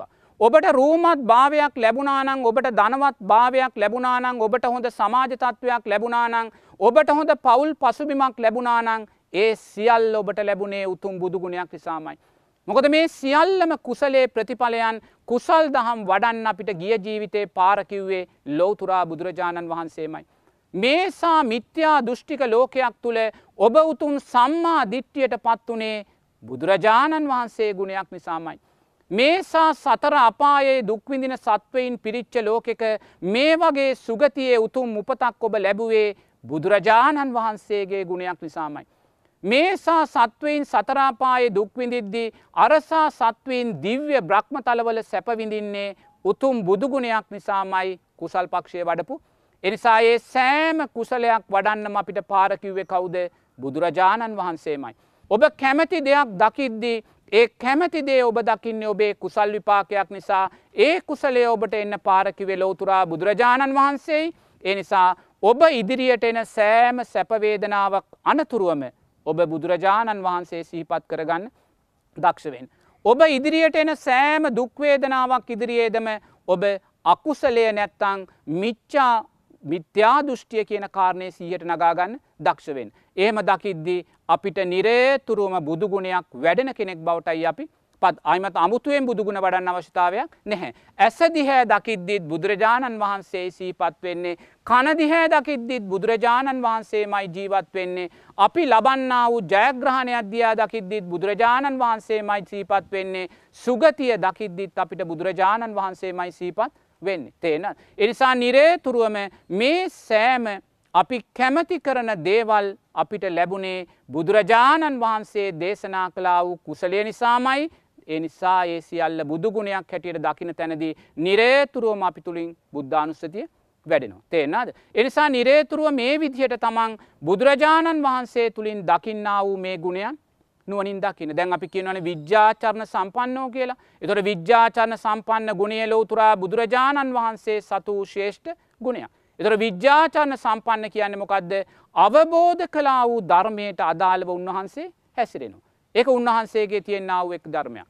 උන්වහන්සේ සත්තිස් බෝධිපාක්ෂික ධර්මයන් අවබෝධ කලා ඒ සත්තික්ස් බෝධිපාක්ෂික ධර්මයන්ට අදාළ විදිහට උන්වහන්සේ චර්යාවන් පවත්වනවා. උන්වහන්සේ තුළ ආර්යසීලය තියෙනවා ඒ ආර්යසීලයට අදාළව උන්වහන්සේ චර්යාවන් පවත්වන. උන්වහන්සේ ආර්ය සමාධියෙන් පරිපූර්ණයි ආර්ය ප්‍රඥාවෙන් පරිපූර්ණයි ඒවාට අදාළ වූ චර්යාවන්ගෙන් උන්වහන්සේ සමන්නාගත. එනිසා නිරේතුරුවම මේ ආකාරයෙන් සෑම දෙයක්ම නුවනින් මෙනෙහි කරමින් නුවනින් දකිමින් බුදුරජාණන් වහන්සේ කරේ විශ්වාසය ඇති කරගන්න. බුදුරජාන් වහන්සේ සුගතෝ ගුණයෙන් යුක්තයි සුගතෝ කියල බුදුරජාන් වහන්සේ කිව උන්වහන්සේ නිවන් මාර්ගයට ගමන් කලා වූ කියන කාරණයයි. තේෙනද. මේ ලෝකයේ තියෙන ශේෂ්ඨම මාර්ගය වන ආර්යෂ්ඨාංගික මාර්ගය තුළ ගමන් කලා කියන අර්ථයෙන් තමයි සුගතෝ කියන කාරණය බුදුරජාන් වන්සේ සකස් කරගන්න. ලෝක විදූ කියන්නේ මේ ලෝකයේ සහස්සී දසදාශ්‍රී මේ සෑම ලෝකධාතුවක් කෙරෙීම උන්වහන්සේ අවබෝධඥානයෙන් අවබෝධ කලා වූ තැන ඉඳගෙන උන්වහන්සේ ලෝක විදූ කියලා කියනවා. තේරනයි. ඊට පස්සේ බුදුරජාන් වහන්සේ සියලුම සත්වයෙන් දෙවියන් බ්‍රහ්මයින් මනුස්සයින් මේ අකීකරූ මිත්‍යාදුෘෂ්ටක වූ සෑම බලයක්ම දමනය ධර්මයෙන් දමනය කලා වූ කියන කාරණය තුළ පුරිස දම්ම සාරථී ගුණේ යුක්තයි කියනවා. ඒවගේම දෙවියන් බ්‍රහ්මයින් මනුස්සයින්ට අනුශාසනා කලායි කියන කාරණය තුළ සත්තා දේව මනුස්සානන් කියන ගුණේ යුත්තයි කියලා කියනවා. ඒ වගේම මේ ලෝකයේ තියෙන්න්න වූ ඔබට ලැබෙන්න්න වූ ශේෂ්ඨම දෙයින් පූජා කිරීමට සුදුසූ නිසා ආමිසවේවා ප්‍රතිපත්තිවේවා පූජාවෙන් සුදුසු නිසා උන්වහන්සේ භගවා කියලා කියනවා. ඒ වගේම චතුරාර් සත්‍ය ධර්මයන් තමන් වහන්සේ විසින්ම අවබෝධ කොට ගත්ත නිසා ඒ උත්තම සම්මා සම්බුද්ධ රාජ්‍ය අවබෝධ කර ගත්තායි කියන. එනිසා නිරේතුරුවම එරමිනිිය ගොතාගෙන නං එරමිනිිය ගොතාගෙන හිතන්න විවේකීව ඉන්න වෙලාවටනා විවේකීව හිතන්න හිතලා නිරේතුරුවම මේ බුදුරජාණන් වහන්සේගේ ගුණයන් මේ ඥානයන් නුවනින් දකිමින් දකිමින් බුදුරජාණන් වහන්සේ කරේ විශ්වාසය සද්ධහ වැති කරගන්න. එහෙම බුද්ධානුස්සතිය ජීවිතයට එකතු කරගෙන. තේරනාද ඊළඟට අපි මොකක්ද කරන්න ඕනේ මේ බුද්ධානුස්සතියත් අනිත්‍යයි කියල දකින්න දක්ෂ වෙන්න ඕන. අපි බුද්ධානුස්සතිය වැඩීම කියන කාරණය ආරෂ්ඨාංගික මාර්ගයේ අදාළ වෙන සම්මා දිට්ටියට. එතොට සම්මාධිට්්‍යයේදී බුද්ධානුස්සතිය වඩද්දී මේ ආරෂ්ඨාංගික මාර්ගය අපි තුළ වැඩෙන්නේ ලෞකික ආරෂ්ඨාංගික මාර්ගයක් විදිහට තෙන්නාද දැන් ඔබ හිතන්න ඔබ මුළු ජීවිත කාලයේම බුද්ධානුස්සතිය වඩනවා. බුදුරජාණන් වහන්සේ කෙරෙයි සද්ධාවෙන් ගරුත්වයෙන් ඔබ නිරේතුරුව බුද්ධ වන්දනා කරනවා බුදුරජාණන් වහන්සේට තෙල් පහන් මල්ගිලම් පස පූජා කරනවා බුදුරජාණන් වහන්සේ උදෙසාම බුද්ධානුස්සතිය වඩමින් ජීවත්වෙනවා. එහෙම බුද්ධාංශතිය වඩමින් ජීවත් වෙලා ඔබ චිරාත් කාලයක් ජීවත් වෙලා මිය පරලව යන වෙලාවට. ඔබට එක පාට්ට බුදුරජාණන් වහන්සේ සීපත් වනොත් මොකද වෙන්නේ. ඔබ ගීල සුගතියේ ඉපදෙනවා. තේෙන්න්නද. ඒ සුගතිය උපත නිත්‍යද අනිත්‍යද අනිත්‍යයි. තේරනාද. එනම් අපි සංසාරයක් පුරාවට සාරා සංක කල්ප ලක්ෂ ගානක් පුරාවට සම්මා සම්බුද්ධ ශාසන ලක්ෂ ගානක් මුණගැහිලා අපි කරලා තියනෙ මොකක්ද. බුද්ධානුස්සතිය වඩනවා බුදුරජාණන් වහන්සේ උදෙසා මල් පහන් ගිලම්පස බුද්ධ පූජා වන්දනාවන් කරනවා කරලා මැරෙන වෙලාවේ බුද්ධානුස්සතිය සිහිපත් කරලා බුදුරජාණන් වහන්සේ සිහිපත් වෙලා බුදු ගුණයක් සිහිපත් වෙලා ආයිමත් ගිහිල සුගතියේ විපදිලා ආයිමත්තේ සුගති අනිත්‍ය භාවයට පත් වෙලා ආයිමත් අපි සතරපායන්ට වැටෙනවා. මේ විදිහට නිරේතුරුවම මේ දුකත් සැපත් අතර දෝලනය වෙමින් තමයි අපි මේ ගමන ඇවිල්ලතිini. එහෙමනම් මේ ජීවිතයේදී ඔබ දක්ෂ වෙන්න. ඔබ මෙතෙක් ආවා වූ ගමන විදර්ශනාමය නුවන සකස් කරගන්න ආකාරයට වෙනස් කරගන්න. එතනදී ඔබ මොකක්ද කරන්න ඕනේ ඔබ බුද්ධානුස්සතිය තුළ මුලින්ම ශක්තිමත් වෙනවා. තේෙන්නාද. බුද්ධානුස්සතිය තුළ ශක්තිමත් වෙලා ඊට පස්සේ බුද්ධානුස්සතියත් විදර්ශනානුවනින් දකිනවා. තේෙන්නාද. එතකොට බුද්ධානුස්සතිය විදර්ශනානුවනින් දකින්න දක්ෂ කෙනා බුද්ධානුස්සතිය වඩලා මැරෙන වෙලාවේ බුදුරජාණන් වහන්සේ සිහිපත් වනොත් එයා ඒ බුදුරජාණන් වහන්සේ අනිත්‍යයි කියලා දකිනු. ඒ බුදුරජාණන් වහන්සේ දැක්කා වූ හිත අනිත්‍යයි කියලා දකිනු. සාරා සංක කල්ප ලක්ෂ ගානක් කාවා වූ ගමනෙදි බුදුරජාණන් වහන්සේලා ලක්ෂ ගානක් බුද්ධත්වයට පත් වෙලා තියෙනවා ඒ සෑම බුදුරජාණන් වහන්සේ නමක්ම පිරිනිවී ගියා අනිත්‍ය භාවයට පත් වනා කෙළයා නුවනින් දකිනු. අනාගතයේ බුදුරජාණන් වහන්සේලා ලක්ෂගානක් පහළ වෙනවා ඒ සෑම බුදුරජාණන් වහන්සේ නමක්ම පිරිනිවී යනවා අනිත්‍යයි කියන කාරණය දකිනවා. බුදුරජාණන් වහන්සේගේ දෙතිස් මහා පුරුෂ ලක්ෂණයන්ගෙන් බබලන ඒ සම්මා සම්බුද්ධ රූපකාය දෙස බලාගෙන ඒ දෙතිස් මහා පුරුෂ ලක්ෂණයන්ගෙන් බබලන රූපකායත් පිරිනිවන් මංචකේ අලු ගොඩක් ධාතුන් වහන්සේලා ගොඩක් වුණායි කියන කාරණය අන්න බුද්ධානුස්සති අපි විදශනානුවනින් දැක්ක. එනිසා නිරේතුරුවම දක්ෂ වෙන්න බුද්ධානුස්සතිය තුළ ශක්තිමත්වමින් බුද්ධානුස්සතිය අර්ථයන් විදශනානුවනි දකින්න. ඔබ සෑම හවසකම සෑම සන්ධ්‍යාවකම බුදු මැදුරට ගිහිල්ල බුද්ධ වන්දනාව කරලා බුද්ධ වන්දනාව කරලා ඉවරුණාට පස්සේ ඔබ දකින්න අර දෙතිස් මහා පුරුෂ ලක්ෂණයන්ගෙන් බබලන බුදුරජාණන් වහන්සේගේ රූපකාය පිරිනිවන් මංචකේ අලු ගොඩක් ධාතුන් වහන්සේලා ගොඩක් වුණායි කියල දකින්න. ඒ ධාතුන් වහන්සේලා තවත් යම් කාලයක් ගියාට පස්සේ ඒවා දුර්වල වෙලා අනිත්‍ය භාවයට පත් වෙලා මේ මහපොළවේ සතර මහා ධාතුවටම එකතු වෙනවා කියන කාරණය දකිින්. ඔබ බුද්ධ වන්දනාව කරලා අහවර වෙලා අර ඔබ පූජා කලා වූ මල්වට්ටිය සිහිපත් කරගෙන ඔබ දකින්න සංසාරයේ සම්මා සම්බුද්ධ ශාසනවල ඉපදිලා බුදුරජාණන් වහන්සේලා උදෙසා පූජා කලා වූ සුවඳ මල් පූජා කලා වූ බුද්ධ පූජාව පූජා කලා වූ ගිලම් පස එක ගොඩක් ගැහුවොත් ගිජ්ජකූට පර්වතයට වඩා විශාලයි කියල. ඒසා සංසාරයේ බුදුරජාණන් වහන්සේලා උදෙසා පූජාවන් සිද්ධ කළත් ඒ සංස්කාර නිත්‍ය වුණා ධනිත්‍ය වුණාද. ඒසා සංස්කාර අනිත්‍ය වනානං මේ මොහොතේ ඔබ මේ රැස් කලා වූ සංස්කාරය නිත්‍යවේද අනිත්‍යවේද අන්න බුද්ධානුස්සතිය විදශනානුවනි දකිනු. තේෙන්න්නද. ඔබ දානයක් පූජා කරන වෙලාවට පිරිකරක් පූජා කරන වෙලාවට ඒ පිරිකර පූජා වෙලා ඒ ලබන්නා වූ සතුටු සිතින් ඔබ දකින්න. මන් සංසාරයේ බුදුරජාණන් වහන්සේලාට පූජා කලා වූ පිණ්ඩපාතයන් බුදුරජාණන් වහන්සේලා උදෙසා සංඝයා උදෙසා අරමුණු කරලා පූජා කලා වූ අෂ්ට පරිෂ්කාරයන් එක ගොඩක් ගැහුවොත් ගිජ්ජකූට පරුතයටඩා විශාලයි කියලා. ඒසා සංස්කාර රැස් කළත් ඒ සංස්කාර නිත්‍ය වුණාද අනිත්‍ය වුණාද වෙනස් වෙලා ගිය. එනම් ඔබ මේ මොහොතේ මේ පූජා කරන්න වූ පිරිකර තුළින් පූජාව තුළින් රැස්වෙන්න වූ සංස්කාරය නිත්‍යද අනිත්‍යද. එනිසා නිරේතුරුවම පින්කම් කරමින් මේ සකස් වෙන්න වූ සංස්කාරයන්ගේ අනිත්‍ය භාවය දකිින්. ලෝතුරා බුදුරජාණන් වහන්සේට මලින් පහනින් ආලෝකයෙන් ගිලම් පසින් බුද්ධ පූජාවෙන් පූජා පවත්වමින් නිරේතුරුව මේ සංස්කාරයන්ගේ අනිත්‍ය භාවය දකිින්. මොහොතක් ඇස් දෙක පියාගෙන බුද්ධ වන්දනාව කලාට පස්සේ ඔබ අතීතයේ ජීවමාන බුදුරජාණන් වහන්සේලාගේ දෙපතුල් ලබියස වැඳ වැටුණු හැටි නුවනින් දකිින්. ජීවමාන බුදුරජාණන් වහන්සේලාගෙන් සද්ධර්මය ශ්‍රවණය කළ හැටි නුවනින් දකිින්. ජීවමාන බුදුරජාණන් වහන්සේලාට පිණ්ඩපාතය බෙදුව හැටි නුවනින් දකිින්. නමුත් ඒ සෑම සංස්කාරයක්ම ජීවමාන බුදුරජාණන් වහන්සේ උදෙසා කරපු සංස්කාරයත් අනිත්‍යනං ඔබ මේ මොහොතේ පිළිම වහන්සේ නමක් උදෙසා බුදුරජාණන් වහන්සේ අරමුණු කරගෙන සංස්කාරය නිත්‍යවේද අනිත්‍යවේද. එනිසා නිරේතුරුවම මුලින් බුද්ධානුස්සතිය තුළ ජීවත් වෙලා ඒක ලෞකික ආරෂ්ඨාංගික මාර්ගය වැඩෙන්නේ ලෞකික ආරෂ්ඨාංගික මාර්ගය ශක්තිමත් කරගෙන ඒ ලෞකික ආරෂ්ඨාංගික මාර්ගයේ සම්මා දිට්්‍යයට අදාළ බුද්ධානුස්සතිය විදර්ශනානුවනින් දැක්ක තැන අන්න එතන තමයි සෝවාන් පලයට අදාළ ප්‍රඥාව කියෙන ඉන්ද්‍රිය ඔබ තුළ දුරලවෙන්. මොකද සෝවාන් පලට යමෙක් පත්වෙද්දයාගේ ඉන්ද්‍රිය ධර්මයන් පා සමවෙන්න ඕනේ ඉන්ද්‍රිය ධර්මයන් කෙන සද්ධා වීර සති සමාධි ප්‍රඥා කියන කාරණය එනිසා අපි සෑම පින්කමක්ම සිද්ධ කරන්න ඕනේ ප්‍රඥාව කියන කාරණය වැඩිවෙන වර්ධනය වෙන ආකාරයට. ඔබ බුදුරජාණන් වහන්සේගේ පිළිම වහන්සේ ඉදිරියට බුදු මැදුරට ගිහිල්ලා මල් පහන් පූජා කරලා ගිලම් පස බුද්ධ පූජාව පූජා කරලා සාධකාරදීලා සතුටු සිතින් ගෙදර යනවනං මට දිව්‍ය සැප මනුස්සලප ලැබේවා කියලා ප්‍රඥාවක් වැඩෙනවාද ප්‍රඥාවක් වැඩෙන නැහැ. සද්ධාව තියෙනවා වීරයක් තියෙනවා. නමුත් සතිය සිහි අදාළ විදියට පීටල නැති නිසා ඔබ දක්ෂනෑ ප්‍රඥාව මතු කල්ල ගන්න.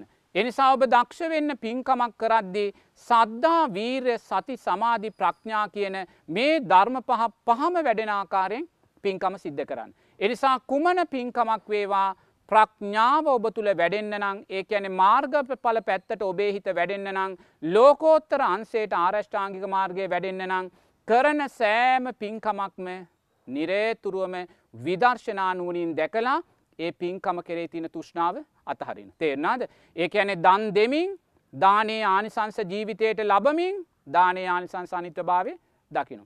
සිල් සමාදම් වෙමින් සීලේ ආනිසංස ජීවිතයට ලබමින් සීලේ ආනිසංසයන්ගේ අනිත්‍ය භාවය දකිනෝ. මෛත්‍රීය වඩමින් මෛත්‍රී ආනිසංස ජීවිතයට ලබමින් මෛත්‍රී ආනිසංසයන්ගේ අනිත්‍ය භාවය දකිනෝ. සමාධිය වඩමින් සමාධයේ ධ්‍යාන තලවල ආස්වාදය ජීවිතයට ලබමින් ඒ ධ්‍යාන තලවල අනිත්‍ය භාවය ඉස්සෙල්ලාම ලබමින් කියන කාරණය හොඳට මතක තියාගන්නවා. තේරනාද කොයි දේත් කරලා ඒ ආස්වාදය පින ජීවිතයට ලබන්න ඕන මොකද අපිට ආවිශ වර්ණය සැපේ බලය අවශ්‍යයි. ඒ ආවිශ වර්ණය සැපේ බලය අපිට දුර්වල වුණොත් අපිට ධර්මමාර්ගය තුළ ගමන් කරන්න බැහැ. ඒ නිසා දන් දෙමින් ආයුෂ වර්ණය සැපේ බලය ලබමින් තමයි ඒ ආවිශ වර්ණය සැපේ බලය අනිත්‍ය භාවය දකින. සිල් සමාදං වෙමින් සීලේට අදාළ ආනිසංස කීර්තිරාවේ පැතිරෙනවා ජනප්‍රියභාවය ලැබෙනවා. මේ කීර්තිරාවේ පැතිරෙද්දි ජනප්‍රියභාවය ලැබෙද්දී ඒ සංස්කාරයන්ගේ අනිත්‍ය භාවය දකිනවා මොකද ඒක නිත්‍ය දෙයක්ද අනිත්‍ය දෙයක්ද? සමාධිය වඩමින් ධ්‍යාන තල ලැබෙනවා. ධ්‍යාන තලවල අනිත්‍ය භාවය දකිමින් ධ්‍යාන තලෝල ශක්තිය අපි ජීවිතයට එකතු කරගන්න. නිසා නිරේතුරුවම දක්ෂ වෙන්න මොනේ පින්කම සිද්ධ කළත් විදර්ශනානුවනින් දැකලා ඉන්ද්‍රීය ධර්මයන්ට අදාළ ප්‍රඥාව කියන කාරණය මෝදු කරගන්න එනිසා සතිය සිහිය හොඳින් පිහිටවා ගන්න කල්්‍යාන මිත්‍රාශ්‍රය සද්ධර්ම ශ්‍රවණය නුවනින් මෙනෙහි කිරීම ඇතිකර ගැනීම තුළ. විඤ්ඥානය යන්න සරලව විග්‍රා කර දෙන්න. විඤ්ඥානයක් බැසගැනීමට රෝපයක් නොමැතිවූ විට විඤ්ඥානයට කුමක් සිදුවේවිද. විඤ්ඥානය කියල කාරණය කියද්දි බුදුරජන් වහන්සේ දේශනා කරනවා පටිච්ච සමුප්පාද ධර්මය ගැන කතා කරද්දී අවිද්‍යාපච්චයා සංකාරා. අවිද්‍යාව නිසා සංස්කාර සකස් වෙන අවිද්‍යාව කියනමකක්ද චතුරාර් සත්‍යය නොදැනීම. සත්වයා සතුර චතුරාර් සත්‍යය නොදැනීම නිසා නිරේතුරුව සංස්කාර රැස් කරනවා මොනවද සංස්කාර කියන්නේ කුසල් සහ අකුසල්. සංස්කාර පච්චයා විඤ්ඥානක්. සංස්කාරයන්ට අදාළවේ විඤ්ඥානය සකස් වෙන එහ එතැදි විඤ්ඥානය කියන්නමකක්ද සංස්කාර නිසා සකස් වෙන්න වූ පලය විඤ්ඥානය කියලා කියනවා. ආයිමත් බුදුරජාණන් වහන්සේ පංච උපාදානස්කන්දය ගැන දේශනා කරනකොට රූප වේදනා සංඥා සංකාර විඤ්ඥාන කියන තැනදී එතනත් බුදුරජාන් වහන්සේ සංස්කාරයන් නිසා සකස් වෙන්න වූ පලය විශේෂූ දැනීම විඤ්ඥානය කියල බුදුරජන් වහන්සේ දේශනා කරනවා. ඒ වගේමයි මහත්තයෝ බුදුරජාන් වහන්සේ ආයිමත් දේශනා කරනවා විඤ්ඥානය කියන්නේ මැජික්කරුවෙක් කියලා. විඤ්ඥානය කියන්නේ මැජික්කරුව. විඤ්ඥානය කියන්නේ මැජික්කරුවෙක් කියන්නේ මොකද මොකද මැජික්කරවා මෙතන පූසෙක් තියලා ඒ පූසව රෙද්දකින් වහලා අර මැජික් යෂ්ටියෙන් යමක් කරලා රෙදිකෑල් අයින් කලාට පස්සේ මෙතන ඉන්න හාවේ. ඒ හාබව රෙදිකෑල්ලකින් වහලා යමක් කරලා ඒ රෙදිකෑල්ල අරින් කලාට පස්සේ එතන ඉන්න පරවිය. ඒවගේ බුදුරජන් වහන්සේ කියනවා මේ විඤ්ඥානය කියන මැජික්කරුවා නිරේතුරුවම අපිට මේ දුකත් සැපත් දෙකත් අතර දෝලනය කරමින් මේ බවගමන පුරා ඉස්සරහට අරං යනෝ කියලා තේරනාද. එනිසා විඤ්ඥානය කියන කාරණය පිංහතුනේ කවදාක්වත් අපිට ධර්මයක් අහලා පොතක් පතක් කියවලා සූත්‍රයක් කියවල විඤ්ඥානය කියන කාරණය අපි තේරුම් ගන්න පුළුවන්කම නැහැ. විඤ්ඥානය කියන කාරණය කවදා හෝ දවසක අපි අවබෝධයෙන්මයි හඳුනාගන්න ඕනේ කියලා බුදුරජන් වන්සේ දේශනා කරනවා. විඤ්ඥානය එයා යම් දවසක හඳුනා ගනිද්දි අවබෝධයෙන් හඳුනාගෙනති බුදුරජන් වහන්සේ කියනවා එයා විඤ්ඥානය හැටියට දකින්නේ වේගයක් විතරයි. ඒ වේගය තුළ තියන්නේ හිස්භාවයක් විතරයි ඒ වේගයත් හිස්භාවයක් තුළයා දකිනවා විඤ්ඥානය කියන්නේ ගතයුතු දෙයක් නෙමේ කියන කාරණය හිස් දෙයක් කියන කාරණය. එනිසා විඤ්ඥානය කියන්නේ වර්ණයක් හැඩයක් එහෙම නැත්තං පෙනුමක් තියන දෙයක් නෙමේ විඤ්ඥානය කියලා බුදුරජන් වහන්සේ දේශනා කරන්නේ වේගයක් ඒ වේගේ තුළින් හිස්භාවයක් විතරයි. අපි දන්න එක්තරා ස්වාමීන් වහන්සේ නමක් උතුම් සමාධියෙන් පසු වෙනකොට උන්වහන්සේට මීටර් විසිපහක් විතර ඉදිරියෙන් උන්වහන්සේට අරමුණු වෙලා තියෙනවා යක්ෂයෙක් ඕපපාතිකව උපත්තිය ලබනවා. යක්ෂය කෝපපාතිකව උපත්තිය ලබනවා. එතකොට ඕපපාතිකව යක්ෂයා උපත්තිය ලබනවා කියන කාරණයේදී ඒ ස්වාමීන් වහන්සේ උතුම් සමාධියෙන් පසු වෙනවා පසු වෙනකොට උන්වහන්සේට ඉදිරියෙන් මීටර් විසිපහක් විතර ඉදිරියෙන් අඩි හතක් වගේ ඉහලින් එක පාට්ට වේගවත් සුලියක් පහළ වෙලා තිනවා. වේගවත් සුලියක්. ඒ වේගවත් සුලිය වේගෙන් වේගෙන් වේගෙන් බ්‍රමණය වෙලා බ්‍රමණය වෙලා බ්‍රමණය වෙලා බ්‍රමණය වෙලා අර යක්ෂයාගේ රූපය නිර්මාණය වෙලා තියෙනවා. එතකොට ස්වාමින් වහන්සේ මුලින් මර වේගවත් සුලිය හැටියට දැක්ක කුමක්ද. පෙරජීවිතේ මියගියා වූ සත්වයක්ගෙන් නිකුත්තුනා වූ චුතිසිතේ ප්‍රතිසන්ධි එකැන විඤ්ඥානයයි. එතකොට විඤ්ඥානය හැටියට ස්වාමින් වහන්සේ දැක්ක කුමක්ද වේගයක් විතරයි. තේරනාද. ඒ වේගේ තුළ උන්වහන්සේලා දකින්නේ හිස්භාවයයි හිස්භාවය දකිද්දේ උන්වහන්සේලා විඤ්ඥානය කරේ තුස්තින තුෂ්නාවෙන් බැහැර වෙනවා මොකද මේක හිස් දෙයක් වේගයක් කියන කාරණය උන්වහන්සේ අවබෝධ කරගනි කළ බුදුරන් වහන්සේ දේශන. එනිසා විඤ්ඥානය කියන කාරණයට කොතනකවත් විඤ්ඥානය මේ වගේ මේ වගේ හැඩයක් වර්ණයක් රුවක් තියනවා කියලා අපිට කියන්න පුළුවන්කම කවදාහරි දවසක විඤ්ඥානය හොයන තාක්කල් අපි පැටලෙනවා කවදාහරි ආර්යෂ්ඨාංගික මාර්ගය තුළ ගමන් කරලා උතුම් සම්මා ඥාන සකස් කර තැනදී අපි විඤ්ඥානයේ වේගේසා විඤ්ඥානය නිරත්තක භාවය හඳුනාගන්න. එතෙක් අපි විඤ්ඥානය හොයනවා කියන්නේ විඤ්ඥානය තුළ සිටිමින්ම විඤ්ඥානය හොයනවායි කියන කාරණය. එනිසා නිරේතුරුවම දක්ෂ වෙන්න විඤ්ඥානය කියන්නේ කුමක්ද සංස්කාරයන්ගේ පලයයි විඤ්ඥානය. එච්චරයි. සංස්කාරයන්ගේ පලයයි. මේ ලෝකයේ ජීවත්වෙන මේ සෑම සත්වයක්ගේම ක්‍රියාකාරීත්වය සකස් කරන්නේ විඤ්ඥානය විසින් ඒ විඤ්ඥානය ක්‍රියාත්මක භාවය සකස් කරන්නේ කුමක් හේතුවෙන්ද සංස්කාර හේතුවේ. දැන් ඔබ හිතන්න මනුස්සෙක් ඉන්නවා. එයා දුප්පත් තැනක උපත්තිය සකස් කරගන්න. තේෙන්නාද. දුප්පත් තැනක උපත්තිය සකස් කරගෙන එයා ළමා කාලෙ ගත කරලා තරුණ කාලෙ ගත කරලා මැදි වයසට නැත්තන් තරුණ වියට එනකොට එයා ප්‍රකෝටිපති ව්‍යාපාරිකය බවට පත්වෙනවා. නමුත් එයා ඉපදුනේ කොතනද දුප්පත් තැනක. දුප්පත් තැනක ඉපදිලා මොනවාහරි ව්‍යාපාරයක් කරලා මොකාක්හරි ශේෂත්‍රයකට යොමු වෙලා තරුණ කාලේ මැදි වයසෙනකොට යා කෝටිපති ප්‍රකෝටිපති බවට එතන මොකක්ද මේ මෙතන වෙන්නේ. තේෙන්නල් දැම් මොකක්ද මෙතන වෙලා තියෙන්නේ මේ මහත්තයා මේ දුප්පත් තැනක ඉපදුන මහත්තයා පෙරජීවිතේ මනුස්සෙක්. තේෙනවාද පෙරජීවිතේ මනුස්සෙක් හැටියට එයා ඉපදිලා හොඳින් සිල්පද පහ රකිනෝ. හොඳින් දන් දෙනවා. තේෙන්නාද හොඳින් දන් දෙනවා කියන්නේ එයා අප්‍රමාණ විදිහට සාංගික දාන දෙනවා. තේෙන්නාද සාංගික දාන දෙනවා වගේ මේ මහත්තයා ළමානිවාසවලටත් දන් දෙනවා. රෝගීන්ටත් දන් දෙනවා තිරිසන් සත්තුන්ටත් දන් දෙනවා යාචක මහත්තුරුන්ටත් දන් දෙනවා ඒ පැත්තත් එයා වඩනවා. තේනද නමුත් මේ පැත්තේ සාංගික දානත් දෙනවා. නමුත් මේ විදිහට මේ දාන දුන්නත් එයාගේ උපාදානය වැඩික් මොනදානටද අර ළමා නිවාසවලට රෝගීන්ට දෙන දානමක ඒගොල්ලන්ගේ තින අහිංසක භාවය නිසා ඒගොල්ලන්ට දෙන්න උදානයන් කරේ උපාදානය වැඩි. දැන් එක මහත්තෙක් ඉන්නවා ඒ මහත්තයා අප්‍රමාණ විදිහට සාංගික දාන දෙනවා. සාංගික දාන දුන්නත් ඒ මහත්තයා ගෙදර තිරිසන් සත්තු ගොඩාක් තියාගෙන තිරිසන් සත්තුටත් දාන දෙනවා. නමුත් එයා වැඩිපුරම උපාදාන තියන කොතෙන්ටද. අර සතුන්ගේ තින අහිංසක භාවය නිසා අර සත්තුන්ට දෙන්න උදානයට තින උපාදානය වැඩි.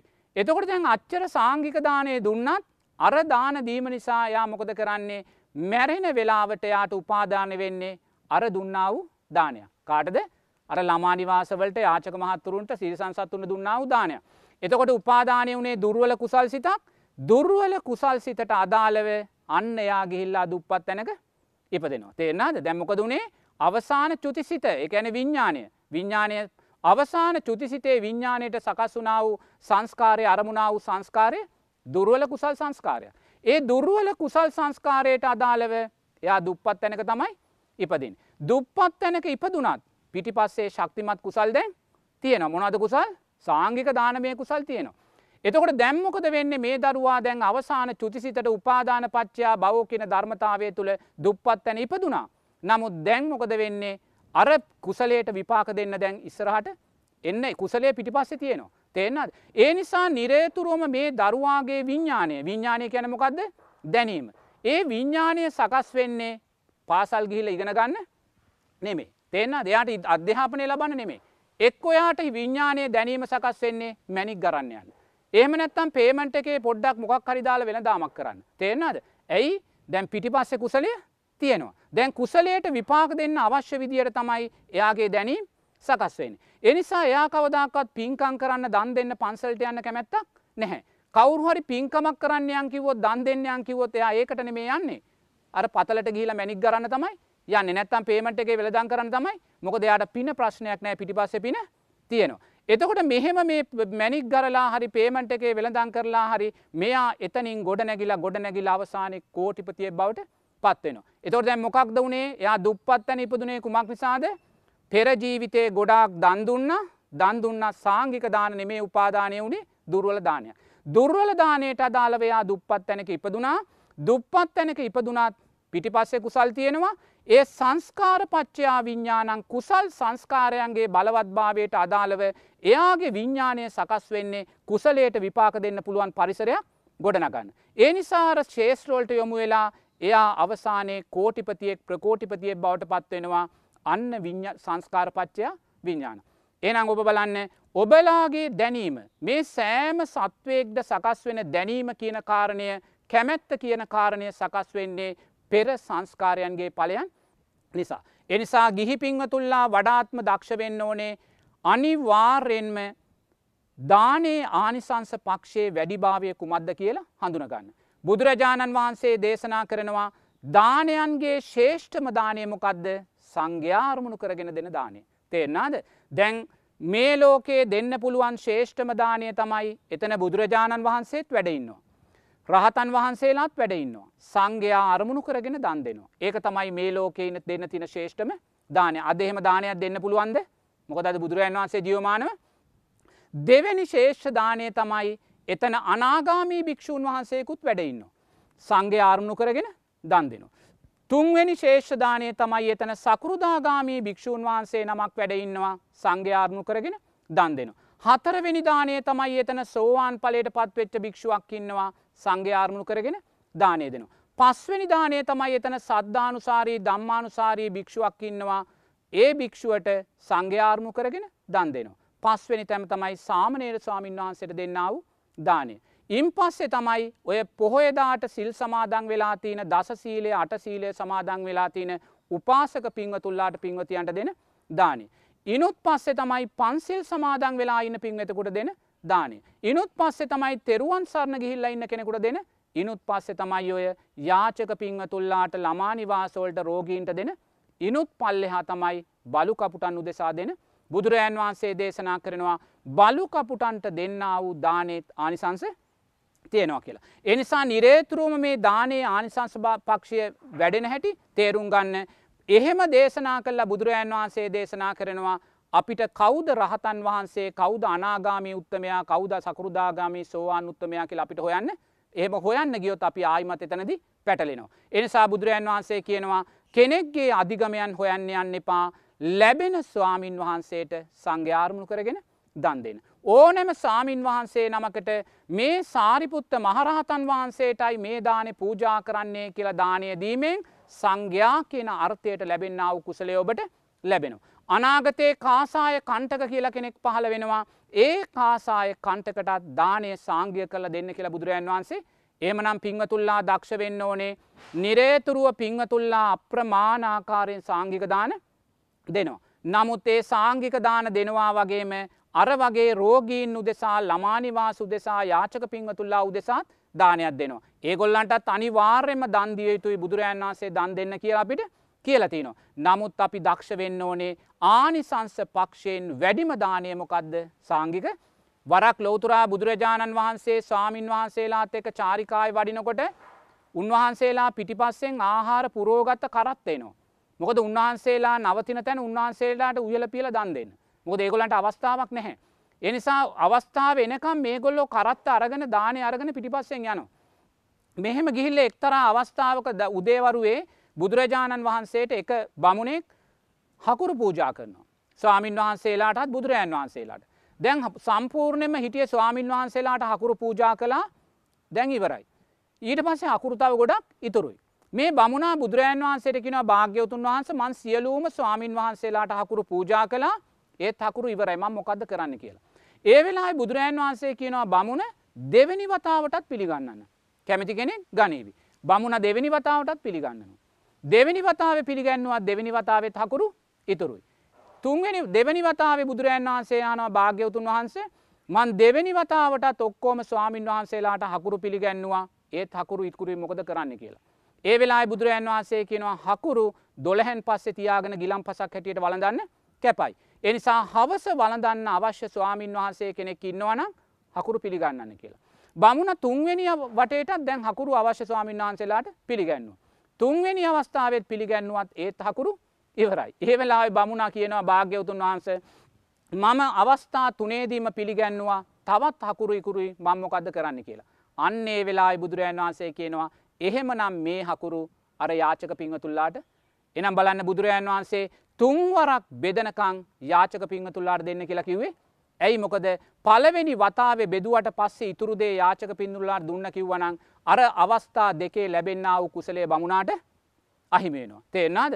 එනිසා නිරේතුරුව දක්ෂ වෙන්න සමාජයේ ජීවත් වෙන ළමා නිවාස වේවා මහළු නිවාස වේවා රෝගීන් වේවා යාචක පින්වතුන් වේවා ඒ අයට දන් දෙන්න ඒක සම්මාධිට්්‍යය ලක්ෂණයක් තේරනාද සද්ධාව සකස් කරගත්ත කෙනෙක් කවදක්වත් සංඝයාට විතරත් දන්දීල නවතින්නේ නෑ එනිසා ඒ පිංහතුල්ලාටත් දන් දෙන්න ඒ පිංහතුල්ලාට දන් දෙද්‍ය ඔබ දකින්න ඕන යාචක මහත්තෙක් පාරයයින ඉන්නවනං මේ යාචක මාත්‍යයා සංසාරයේ මට දසදහස්වාරයක් අම්මා වෙලා තියෙනවා කියෙන කාරණය දකින්න ඕන්. මේ යාචක මහත්තයා මට සංසාරයේ දසදහස්වාරයක් තාත්තා වෙලා තියෙනවා කියෙන කාරණය අපි දකින්න ඕන්. මේ යාචක මහත්තයා සංසාරයේ දසදහස්වාරයක් මට දරුවෙක් මුණුබුරෙක් පෙම්වතෙක් පෙම්වතියෙක් වෙලා තියෙන කාරණය අපි දකින්න ඕන. කන්න නැති තිරිසන් බල්ලෙක් ඔබ දැක්කොත් පාරක ඉන්නවා ඒ බල්ලා තුළින් ඔබ දකින්න ඕනේ මේ බල්ලා සංසාරයේ මට දසදහස්වාරයක් මගේ අම්මා වෙලාතිනවා කියන කාරණය. මේ බල්ලා සංසාරයේ මට දසදහස් වාරයක් මගේ තාත්තා පෙම්වතා පෙම්වතියක් වෙලා තියෙන කාරණය අපි එතන ඉඳලා කොතනකවත් සාංගික දාන වර්ණනා කලා කියලා අරදාන කවදක්වත් නවත්තන්න යන්න එහෙම කොළොත් ඔබ සම්මාධිත්‍යය දුරුවල කෙනෙ කරද බවට පෙන්. නමුත් ඔබ දක්ෂ වෙන්න ඕනේ මේ ලෝකයේ තියෙන ශේෂ්ඨම ආනිසංස දානය සංඝ්‍යාරමුණු කරගෙන දෙන්න උදානයයි කියලා දකින්න. එනිසා ගිහි පිංවතුල්ලා නිරේතුරුව දක්ෂ වෙන්න කොයි කෙනාට දන්දුන්නත් උපාදානය බලවත් කරගන්න ඕනේ සාංගික දානය කෙරේ. තේෙන්නාද මොක දෙහෙම නැත්තං ඔබ අනුකම්පාව මත මැරෙන වෙලාවේ සාංගික දාන යටපත් වෙලා අර වගේ දුර්වල දානයක් මතක් වුණොත් ඔබ දුප්පත් තැනක තමයි උපත්තිය සකස් කරගන්න. එනිසා නිරේතුරුවම දක්ෂ වෙන්න ඒ ආකාරයෙන් කටයුතු කරද්දි දැන් ඔබට පේනවා සංස්කාර පච්චයා විඤ්ඥානන් කියන ධර්මතාවේ. ඒ කියන්නේ ඔබේ දැනීම් සකස් වෙන්නේ නිරේතුරුවම සංස්කාරයන්ට අදාලෝ තමයි. සෙන්වාද. එතෝට සංස්කාරයන් වලින් අතීත සංස්කාරයන් වල අකුසලේ බලවත් නම්මකොද වෙන්නේ. ඔබට හැම වෙලාම සිල්පද බිදන හිතක් තමයි සකස් වෙන්. ඔබ කියනවනම් ඔබට නිරේතුරුව සිල්පද බිඳෙනවා කියලා ඒ සිල්පද බිඳීමට අදාළ විඤ්ඥානයන් දැනීම් සකස් වෙන්නේයයි අතීතයේ අකුසල් සංස්කාරයන් වල පලයක් කියන කාරණය ඔබ දකින්න ඕන. තේරනාද. එනිසා නිරේතුරුව දකින්න පන්තිකාම්බරයකට යන්න පන්තිකාම්බරේ ළමයි පනස් දෙනෙක්කින්නවා. ඒ පන්තිකාම්බරේ ළමයි පනස් දෙනාගෙන් ටීච ඇහුවොත් ඔබ කෞද වෙන්න කැමති කියලා එක්කෙනෙක් කියනවමන් දොස්තර මහත්තෙක් වෙනවා කියලා. තව කෙනෙක් කියනවමං ඉංජිනේරු මහත්තෙක් වෙනවා කියලා. තව කෙනෙක් කියනවමං ගුවන් ඇවියෙක් වෙනවා කියලා. තව කෙනෙක් කියනවමං ගොවියෙක් වෙනවා තව කෙනෙක් කියනවමං හමුදා නිලධාරී එතොර බලන්න ළමයි පනස් දෙනා තුළ දැනීම් පනස් දෙකක් තිබ්බා. ඒ මොකක්දේ සංස්කාරපච්චයා විඤ්ඥාන. අතීත සංස්කාරයන්ට අදාළවයි ඒගොල්ලන්ගේ කැමැත්ත සකස්වෙන්. ඒ අතීත සංස්කාරයට අදාළ වයියා ශේත්‍රය තෝරගන්න තේරනාද. ඒ අතීත සංස්කාරයට අදාළව ශේත්‍රය තෝර දෙන්න කවුද එතන විඤ්ඥානය තමයි අපේ දැනීම කැමැත්ත කියන්නේ විඤ්ඥානය සකස් වෙන සංස්කාරපච්චයා විඤ්ඥාන. තේරනාද. එනිසා නිරේතුරුවම දකින්න විඤ්ඥානය කියන්නේ බුදුරජන් වහන්සේ දේශනා කරනවා සංස්කාර නිසා පලස් සකස් වෙන්න වූ පලයයි විඤ්ඥානය තේරනාද. ඒ වගේ බුදුරජන් වහන්සේ කියනවා විඤ්ඥානය කියන මැජික්කරුවෙක් කියලා එනිසා මේ සමාජය තුළ සිද්ධ වෙන මේ මනුස්ස ක්‍රියාකාරකම් සත්ව ක්‍රියාකකම් සෑම දෙයක්ම තීරණය තීන්දු වෙන්නේ විඤ්ඥානය ක්‍රියාත්මක භාවය විඤ්ඥානය විසින් එක්තරා අවස්ථාවක කෙනෙක් ජයග්‍රහණය කරා ඔසවල තියෙනවා ඒ කුසල් සංස්කාරයක් ක්‍රියාත්මක වීම නිසා. ඒ විඤ්ඥානය විසින්ම ආයිමත්තයා පරාජිතය බවට පත් කරනවා ඒ අකුසල් සංස්කාරික ක්‍රියාත්මක භාවයක් නිසා. ඒ වගේ නිරේතුරුවම මේ මනුස්ස ලෝකය තුළ සත්ව සමාජය තුළ සකස් වෙන්න වූ දැනීම් කැමැත්ත සකස් වෙන්නේ කුමක් නිසාද විඤ්ඥානය සංස්කාර පච්චයා විඤ්ඥාන. තේෙන්නාද සංස්කාරයට අදාළව ක්‍රියාත්ම කොනදේ විඤ්ඥානය හැටියට දකින්න ඕනේ.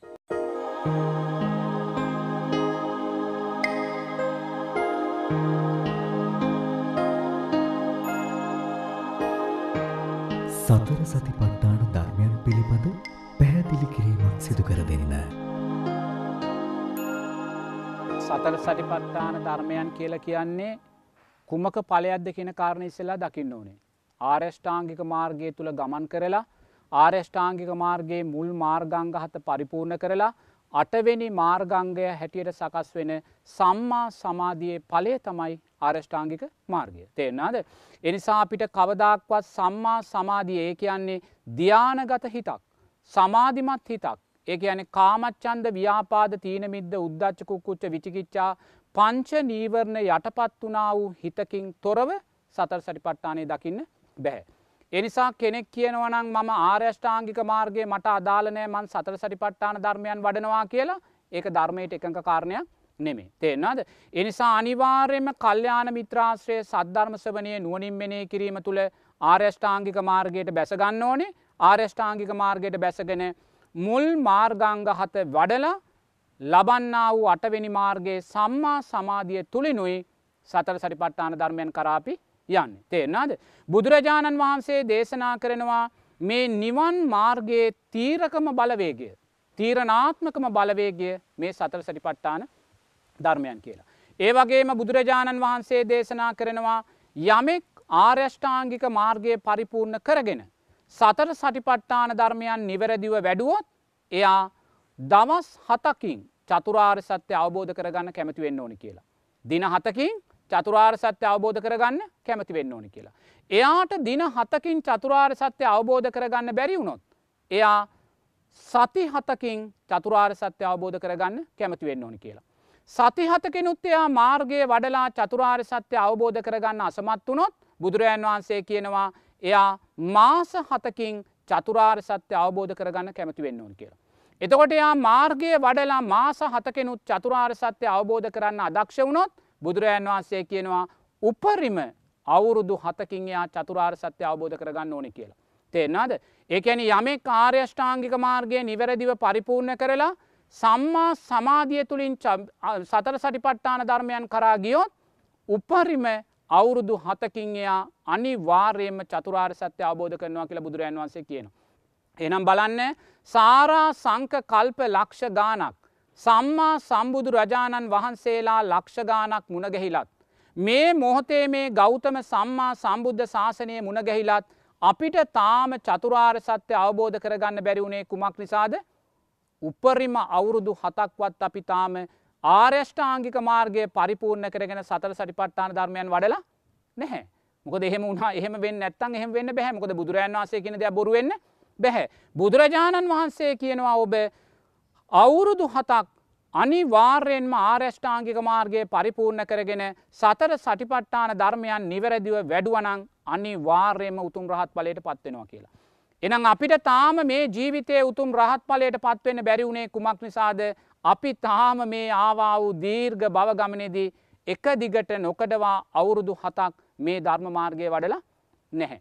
ඒ නිසා ඔබ දක්ෂ වෙන්න නිරේතුරුවම නිවැරදි මාර්ගය තුළින් ආර්යෂ්ඨාංගික මාර්ගය හඳුනගෙන ආර්යෂ්ඨාංගික මාර්ගය ලෞකික වශයෙන් වඩලා ලෝකෝත්තර හැටියට යොමු කරගෙන සතර සටිපට්ඨාන ධර්මයන් නිවැරදිව වැඩුවොත් ඔබට උපරිම අවුරුදු හතක් තුළ මේ උතුම් චතුරාරය අවබෝධ කරන්න පුළ සත්‍ය අවබෝධ කරන්න කියලා බුදුරජන් වන්සේ දේශනා කරන.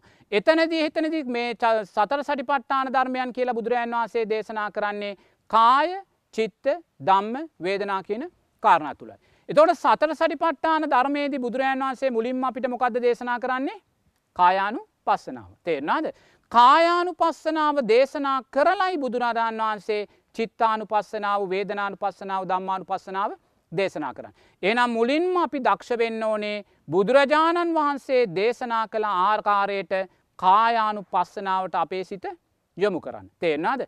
හිතේ අනිත්‍ය භාවය දකින්න පෙරාතුව බුදුරජන් වහන්සේ එතැන්දි දේශනා කරනවා රූපයේ අනිත්‍ය භාවය දකින්න කියලා. මොකද එක්තරා සාමීන් වහන්සේ කෙනෙක් මගෙන් එක්තරා අවස්ථාවක ප්‍රශ්නයක් ඇව්ව ස්වාමීන් වහන්සේ ඔබ වහන්සේ මුලින්ම දැක්කේ රුවන්වැලි මහාසෑය අනිත්‍යයි කියන කාරණයද රුවන්වැලි මහාසෑය දැක්කා වූ හිත අනිත්‍යයි කියන කාරණයද කියලා. එතොට මං උන්වහන්සේට කිව්වේ මම මුලින්ම දැක්කේ රුවන්වැලි මහාසෑය අනිත්‍යයි කියන කාරණය. රුවන්වැලි මහාසෑය අනාගතයේදී කාලගුණික දේශගුණික විපත්තීන් නිසා විනාස වෙලා මහපොළොවට පස් වෙලා යනවා කියන කාරණය මම දැක්කේ. මේ මොහොතේ කිරිපාට සුදෙන් බබලන්නා වූ ජීවමාන බුදුරජාණන් වහන්සේ හැටියට බබලන්නා වූ ස්වර්ණමාලී මහා සෑසදුන් වහන්සේ යම් දවසක මේ මහපොළවේ පස කියන සතර මහධාතුට එකතු වෙනවා කියන කාරණය දැක්කේ. එහෙම රූපය කෙරෙයි විදර්ශනාව සකස් කරද්දී අවසානයේ මට රුවන්වැලි මහාසෑය සිහිපත් වෙද්දිම ඒ හිත අනිත්‍යයි කියන දක්ෂතභාවය ලැබුණ. ඒතන එහෙම නිසා බුදුරජාණන් වහන්සේ අපිට මුලින්ම දේශනා කරන්නමොකක්ද සතර සටිපට්ඨාන ධර්මයට අදාළව රූපයේ අනිත්‍ය භාවය දකින්න කියලා. තේරනාද අපිට අවශ්‍යාකාරයට ධර්ම මාර්ගය ගිහිල්ල මේ කටයුත්ත කරගන්න පුළුවන්කම එනිසා නිරේතුරුව දක්ෂ වෙන්න බුදුරජාණන් වහන්සේ දේශනා කලා වූ මාර්ගයට අදාළව මාර්ගය හදාරන්න. තේරනාද මොකද ම මුලින් කත් සතක් සකස් කලා මේ ධර්මය සැඟවිලා තියෙන්නේ තමා තුළමයි කියලා. තමා තුළමයි සැඟවිලා තියෙන. තමා තුළම සැඟවිලා තියෙනවා කියලා බුදුරජාන් වහන්සේ කියන්න මොකක්ද. බුදුරජාණන් වහන්සේ මේ මුළු විශ්ව ලෝක ධාතුවම මේ රූපය තුළට ගෙනල්ල පෙන්න්නනවා. එක්තරා අවස්ථාවක රෝහිතස්ස කියලා දෙවි කෙනෙක් බුදුරජාණන් වහන්සේට ඇවිල්ල කියනවා භාග්‍යවතුන් වහන්ස පෙර ජීවිතය මං එර්දිමත් රිෂුවරෙක්. මං එර්දිමත් රිෂුවරයෙක් හැටියට ඉපදිලා මට ලොකු භාග්‍යයක් ලැබුණා. ඒ භාග්‍ය තමයි මගේ එක පියවරක් මට යොදුන් හතරක් ඇතට ද අපි එක පියවරත් තියෙන අඩි දෙකක් ඇතට යාට යොදුන් හතරක් ඇතට පියවර තියන්න මේ රිෂුවරය කල්පනා කරනවා මෙයාට මේ ලැබුණ අවස්ථාවෙන් මං ඇවිදගෙන ගිහිල්ල මේ ලෝකයේ කොන හොයාගන්නවා කියලා. ලෝකයේ කොන හොයාගන්නවා කියලා මෙයාර දීර්ඝ පියවර තබමින් ලෝකයේ කොන හොයන්න ගියා. මේ රිෂුවරය අවුරුදු සීයක් ජීවත් වෙනවා මුළු අවුරුදු සීයම මේ රිෂුවරයාර යොදුන් හතරක් දිග පියවර තබමින් ගියත් එයාට ලෝගේ අවසානය තබා ලෝකයේ ආරම්භයවත් සොයාගන්න එයා කියන භාග්‍යවතුන් වහන්ස මට ලෝකයේ කෙලවරත් තබා ලෝකයේ ආරම්භයවත් සොයාගන්න ඒ වෙලාවෙ කියනවා රෝහිතස්ස ඔබ ලෝකය තමා තුළ තබාගෙන ලෝකය තුළ ලෝකය සොලතිනවා කියලා. එතකොට ලෝකය තමා තුළ කියලා බුදුරජාණන් වහන්සේ දේශනා කරන්නේ ඇයි. මේ නාම රූප දෙකට ලෝකයේ බුදුරජන් වහන්සේ ගේන්නේ ඇයි ඔබ හිතන්න ඔබ ඉරෙන් කෑල්ලක් කඩන ගෙනල්ල මෙතනින් තියෙනවා. හඳෙන් කෑල්ලක් කඩලා ගෙනල්ල මෙතනින් තියෙනවා. වලාකුලකින් කෑල්ලක් කඩලා ගෙනල්ල මෙතනින් තියෙනවා. මහපොළවෙන් කෑල්ලක් කඩල මෙතනින් තියෙනවා මේ ශරීරයෙන් මස් කෑල්ලක් කඩල මෙතනින් මේ සියලු දෙයක් කුමක්ද සතරමහා ධාතු. මේ සියල්ලෙම සංයුතුව සතර මහා ධාතුව වුණත් අපි සම්මුති නම් දීලා තියෙනවා මේක ඉර මේක හඳ මේක තාරකා මේක මහපොළොව මේක මස කියලා. සම්මුති නාම දුන්නත් සියල්ල සැදිලා තියෙන සතර මහා ධාතුවේ. එහෙනම් ඔබ යම් මොහොතක මේ රූපය සතර මහා ධාතුවක කියන කාරණය අවබෝධ කර ගනිද්දී ඉරත් හඳත් තාරකාත් මහපොළොවත් ගහකොලත් සියල්ලම ඔබ අවබෝධ කලා මොකද මෙතන සතර මහාධාතු අවබෝධ කරද්දී සියලුම රූපයන්ගේ සංයුතිය සතර මහාධාතුවක් ඔබ සියල්ල අවබෝධ කළා. එනිසා බුදුරජාණන් වහන්සේ කියනවා ලෝකය ගැන හිතන්නේ නැතුව තමා තුළින් තමා මේ ධර්මය දකින්න කියලා. එතකොට තමා තුළ සැඟවිලා තින මේ ධර්මය තමාට මතු කොල්ල දෙන්න කවුද ආරෂ්ඨාංගික මාර්ගය. එනිසා ආර්යෂ්ඨාංගික මාර්ගය සකස් කරගෙන සතර සටිපට්ඨාන ධර්මයන් වැඩීම තුළ තමයි අන්න තමන් මේ ලෝක අනිත්‍ය දුක් අනාත්ම ස්භාවය තමා තුළින් මතුවෙන්. එනිසා නිරේතුරුවම ගිහි පිංවතුල්ලා දක්ෂ වෙන්න භාවනාවක් කරද්දි අනිවාර්යෙන්ම බුදුරජාණන් වහන්සේ දේශනා කළ සතර සතිපට්ඨාන සූත්‍රයට අදාළව සතර සටිපට්ඨාන ධර්මයන් වඩන්න තේරනාද. මොකද සමාජය තුළ අප්‍රමාණූ එක එක එක ආකාරය උගැන්වීම් තියෙනවා. තේරනාද. එනිසා ඕනෑම කෙනෙක්ගෙන් ඒ අවශ්‍ය අධ්‍යාපනය ලබන්න ලබලා ප්‍රශ්නයක් තියෙනවා නං. අනිවාර්යෙන් ඔබ ලෝතුරා බුදුරජාණන් වහන්සේ දේශලා කලා වූ සතර සතිපට්ඨාන සූත්‍රය පරිහරණය කරලා ප්‍රශ්නය විසඳ ගන්න දක්ෂ වෙන්න ඕන තේරනාද මොකද බුදුරජාන් වහන්සේ බොහෝම සරලව බොහෝම නිරවුල් ආකාරයට සතර සටිපට්ඨාන ධර්මයන් වඩන හැටි සතරපට සටිපට්ඨාන සූත්‍රයේ දේශනා කරන. එනිසා නිරේතුරුවම දැන් බුදුරජන් වහන්සේ සතර සටිපට්ඨාන ධර්මයන් තුළින් මුලින්ම දේශනා කරන්න මොකක්ද කායානු පස්සනාව. කායානු පස්සනාව කියලා බුදුරජන් වහන්සේ කාරණා පහක් හැටියට මේ රූපයේ අනිත්‍ය භාවය දකින්න කියනවා. පළවෙනි කාරණය මේක දෙතිස් කුණුපයක් හැටියට මේ රූපය අනිත්‍ය භාවය දකින්න කියනවා. දෙවැනි කාරණයෙන් මේ ඇස කණනාසේ දිවශරීරයේ මනස හැටියට ආයතන හයක් හැටියට ආයතන භාවනාව හැටියට මේකේ අනිත්‍ය භාවය දකින්න කියනවා. තුන්වැනි කාරණය බුදුරජාන් වහන්සේ පටවිය ආපෝ තේජෝ වායෝ හැටියට සතර මහා ධාතුවක් හැටියට මේ රූපය අනිත්‍ය භාවය දකින්න කියනවා. හතර වෙනුව බුදුරජාන් වහන්සේ නිරේතුරුවම ඉරියව් පවත්වන කයක් හැටියට මේ රූපය අනිත්‍ය භාවය දකින්න කියනවා. පස්වෙනුව බුදුරජාන් වහන්සේ මරණානුස්සතියට හැටියට මේ රූපය අනිත්‍ය භාවය දකින්න කියන. දැම්බලන්න ඔබ ආයතන භාවනාවක් හැටියට ආයතන හැටියට මේ රූපය අනිත්‍ය භාවය දකිද්දී. ඔබ දෑස් දෙක පියාගෙන එරමිනිිය ගොතාගන්න පුළුවන්නම් එරමිනිිය ගොතාගන්න පුටුවක වාඩි වෙලා පුළුවන්නම් පුටුවක වාඩි වෙන්න වාඩි වෙලා සංසාර බය කියන දේ මොහොතක් නුවනින් මෙනෙහි කරලා බුද්ධානුස්සතිය මොහොතක් මෙනෙහි කරලා ඊට පස්සේ ඔබ ආයතන හැටියට මේ රූපය අනිත්‍ය භාවය දකින්න. එතොට ආයතන හැටියට ඔබ මේ රූපයේ අනිත්‍ය භාවය දකිද්දි මේ ඇස කණනාසේ දිවශරීරය මනස කියන කාරණයන්ගේ අනිත්‍ය භාවය නිරේතුරුවම දකින්න. ඔබ මනසින් දකින්න මේ ඇස කියන කාරණය ඔබේ අම්මාගේ මවකුසේ කලල් රූපයේ තිබුණා වූ ඇසත් මේ මොහොතේ තියෙන්න්න වූ ඇසත් තව වයෝවෘද්ධ භාවයට පත්වෙන්න වූ තියෙන්න්න වූ ඇසත් පිළිබඳ නිරේතුරුම විදශනානුවනින් දකිින්. ඔබ මනසින් මේ ඇස ගලවලාරම් බිමින් තියන්න. ඔබ මනසින් ගල මේ කන ගලවලාරම් බිමින් තියන්න. කන නාසේ දිවශරීරයේ මනස ගලෝල බිමින් තියන්න දැන් ගොඩවල් කියත් තියෙනවාද ගොඩවල් හයක් තියනවා. ඇස තියෙනවා කන තියෙනවා නාසය තියනවා දිවතියනවා ශරීරය තිනවා මනස තියනවා. දැම් මෙතන රූපයක් තියනවාද ගන රූප සංඥාවක් ඔබට තියෙනවාද දැම් මෙතන ගන රූප සංඥාවක් ඔබට නැහැ. මොකද මේ ගන රූප සංඥාව ඔබ ආයතන හයක් හැටියට බිමට ගලවල දාලායි තියෙන. මෙතන ඔබ මනෝමය කයකින්. මනෝමය රූපයක් මවාගෙන මේ ගණ කය ගණ රූපය බිම කොටස් අයකට ගලවල දාලා දැන් ඔබ මේ මනෝමය රූපයෙන් මේ බිම තියෙන්න්න වූ කොටස් අයතුන හයදිහැ බලන්. ඔබ මේ ඇස දිහැ බලන්න මේ ඇස කුණු වෙනවා නරක් වෙනවා ගඳ ගහනවා ඕජාව ගලනවා නිලමැස්ස වහනවා දකිින්. මේ කන මේ නාසේ මේ දිව මේ ශරීරය කුණු වෙනවා නරක් වෙනවා ගඳ ගහනවා ඕජාව ගලනවා නිලමැස්ස වහනවා කියන කාරණය දකි. දකිමින් නිරේතුරුවම මම මේ මගේ කරගෙන මම ජීවත්වෙන මේ ඇසකන නාසය දිවශරීරය මනස නිරේතුරුවම කුණුවීමට ගඳට දුර්ගන්ධයට නිලමැස්සන්ට අයිති දෙයක් කියන කාරණය දකිින්. මේක කුණු වෙලා ගඳ ගහලා යද්දි කබරය ඇවිල්ල කනම බල්ලෝ ඇවිල්ල කනවා මේක නුවනින් දකිින්. එහෙම දකිද්දී අර කබරගොයාගේ තලගොයාගේ කුස තුළ ඔබේ රූපය ඔබ දකිින්. නිරේතුරුව මර බල්ලෙක් ඇවිල්ලා ඔබේ ඇස් දෙක ගිල දමනවා දකිින්. ඒ බල්ලාගේ අසූචිය තුළින් ඔබේ ඇස දකිින් ඔබ දක්ෂවෙන්. එනිසා නිරේතුරුව දකින්න ඔබ මේ මගේ කරගෙන ජීවත් වෙන ඇසකන නාසය දිවශරීරයේ මනස අවසානයේ කුණු ගොඩක් බවට කහල ගොඩක් බවට ගඳ ගහන නිලමැස්සං වහන සතුන්ගේ ආහාරයක් වෙන දෙයක් බවට දකිින්. දැකල අවසානයේ මේ ඇස කණනාසේ දිවශරීරය මනස මහපොළවට පස් වෙනවා සතර මහා ධාතුවට එකතු වෙනවායි කෙන කාරණය දකිින්.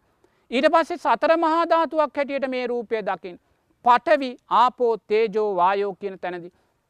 අතැන්දි කොටස් හයකට ශරීරය කැඩුවා මෙතනදි කොටස් හතරකට ශරීරය කඩන්න කියලා බුදුරජන් වහන්සේ දේශනා කරනවා. ඔබ ශරීරයේ තියන තද ස්භාවය කැන මේ මස් සම් මැට නහර මේ සියල්ලම එක ගොඩක් කර ලබීමට දාන්න.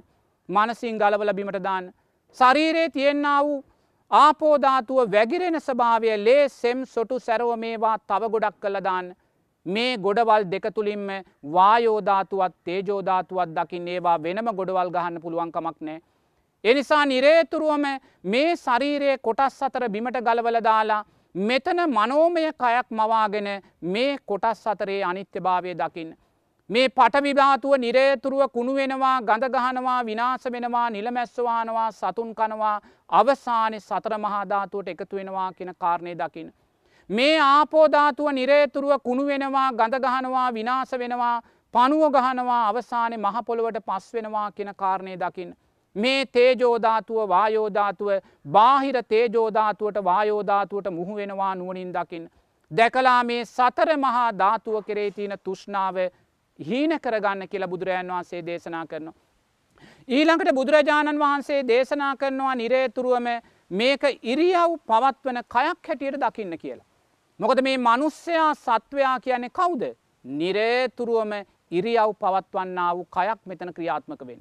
ම ඔබේ ජීවිතයේ ඔබ යම් කෙනෙකුට බැඳී ගියානං ඔබ ඒ බැඳී ගියේ කෙනෙක්ගේ ඉරියව්වක් නිසාමයි. එක්කො හිනාවක් එක්කෝ ඇවිදීමක් එක්කො කතාබහක් මොකක් හෝ ඉරියව්වකට තමයි අපි කෙනෙකුට ජීවිතය බැඳී ගිහිලතින්. නමුත් ඒ ඉරියව්ව නිත්‍ය ධනිත්‍යද නිරේතුරුවම මේ සත්වයා මොකක්ද කරන්නේ ඉරියව් පවත්වමින් ජීවත් වෙනවා ඒ පවත්වන ඉරියව් තව කෙනෙක් මගේ කර ගැනීම නිතා තුෂ්නාවෙන් බැඳීම නිසා අපි තුෂ්නාවෙන් බැඳිල දුකට පත්වෙනවා. එනිසා නිරේතුරුව දකින්න සමාජය දෙස බලද්දි මනුස්සේ දෙස බලද්දි ඒ මනුෂ්‍යයා කියන්නේ අනිත්‍ය භාවයට පත්වෙන ඉරියව් කයක් කියන කාරණය නිරේතුරුව දකින්න. එදාර කෝලිත උපතිස්ස කියන අපේ සාරිපුත්ත මහරහතන් වහන්සේ මුගලන් මහරහතන් වහන්සේ අර ගිරජ්‍ය සමජ්‍ය කියන සන්දර්ශනය බලන්න ගියා ගිහි කාලේ. ගිහි කාලෙ ගිහිල්ල සන්දර්ශනය බලනකොට දැන් එක නලු මහත් එක් කෙනවා ඒ නලු මහත්මය ඇවිල්ලා එයා ලස්සනට ඉරියව් පැවැත්වීමක් කරලා අපපුඩි ගහනවයා පිටිපස්සට යනු. ආයිමත් නිලි මහත්මියක් එනවා එයත් ඇවිල්ලා මෙතන නිරේතුරුව ඉරියව් පවත්වන කයක් පෙන්නලා ඒ ඉරියව් පවත්වන කය පෙන්නලා අපපුඩි ගහල ඇතුළට යනු. මේ දෙන්නා බලාගෙන ඉන්නවා මේ නලු මහත්තුරු නිලි මහත්තුරු ඇවිල්ල මෙතන මොකක්ද කරන්නේ නිරේතුරුවම අනිත්‍ය භාවයට පත්වෙන ඉරියව් කයක් පෙන්නලා ඒ ඉරියව් කය කෙරේ අපි කරේ තුෂ්නාව ඇති කරලා අපිත් අකුසලේට යොමු කරලා අවසානයේ අපි තුළ සකස් වෙන්න වූ ඉරියව්කයත් අනිත්‍ය ඉරියව්කවත් ඒගොල්ල පෙන්නන්නේ අනිත්‍ය ඉරියව්කවයක් නමුත් අනිත්‍ය වූ ඉරියව්කයක් නිසා දෙපාර්ශවයම අකුසල් සිද්ධ කරගන්න. එතකොට මේ සාරිපුත්ත මහරහතන් වහන්සේදා කෝලිත උපතිස්ස හැටියට මේ තරුණයෝ දෙන්න කල්පනා කරනවා මෙතන ගතයුතු දෙයක් නැහැ. මේ හැම කෙනෙක්ම ඒගොල්ලන්ගේ අනිත්‍ය වෙන ඉරියව්කය අපිට පෙන්නලා එනිසා ඒගොල්ලොත් අකුසල් කරගෙන සංස්කාර කරලා භවයට යනවා ඒවා බලලා අපිත් සංස්කාර රැස් කරගෙන අපිත් භවයට බලලා මේ ඉරියව්වල අනිත්‍ය භාවය දැකලා කලකිරීම උච්ච වෙලා තමයි බුදුරජාණන් වහන්සේ හමුවට යන්න. එනිසා නිරේතුරුවම සමාජයේ දිහැ බලද්දී ඔබ වැඩිපුරම අකුසල් කරගන්නේ අනුන්ගේ ඉරියව්කය දෙස බලළමයි. තේරනාද. නමුත් ඒ අනුන්ගේ ඉරියව්කය ඇයට ඔහුට අයිතිත් නෑ ඒ නිසා සකස් කර ගන්නා වූ ඉරියව් ඔබට අයිතිත් නැහැ. එනිසා අපි නිරේතුරුවම අපිට අයිති නැති ඉරියව්වක් නිසා නිරේතුරුවම භවයට යන සංස්කාරයන් රැස් කරගෙන සංසාර ගමන දික් කරගන්න. එනිසා නිරේතුරුව දකින්න බාහිර රූපයක ඉරියව්වත් දකිද්දිත් ඒ ඉරියව්ව අනිත්‍යයි කියලා දකින්න තමාගේ රූපය තුළින් ඉරියව් පවත්වද්දිත් සෑම මොහොතක මේ ඉරියව්ව අනිත්‍යයි කියලා දකිමින් කරන්න කියලා බුදුරජාණන් වහන්සේ දේශනා කරන.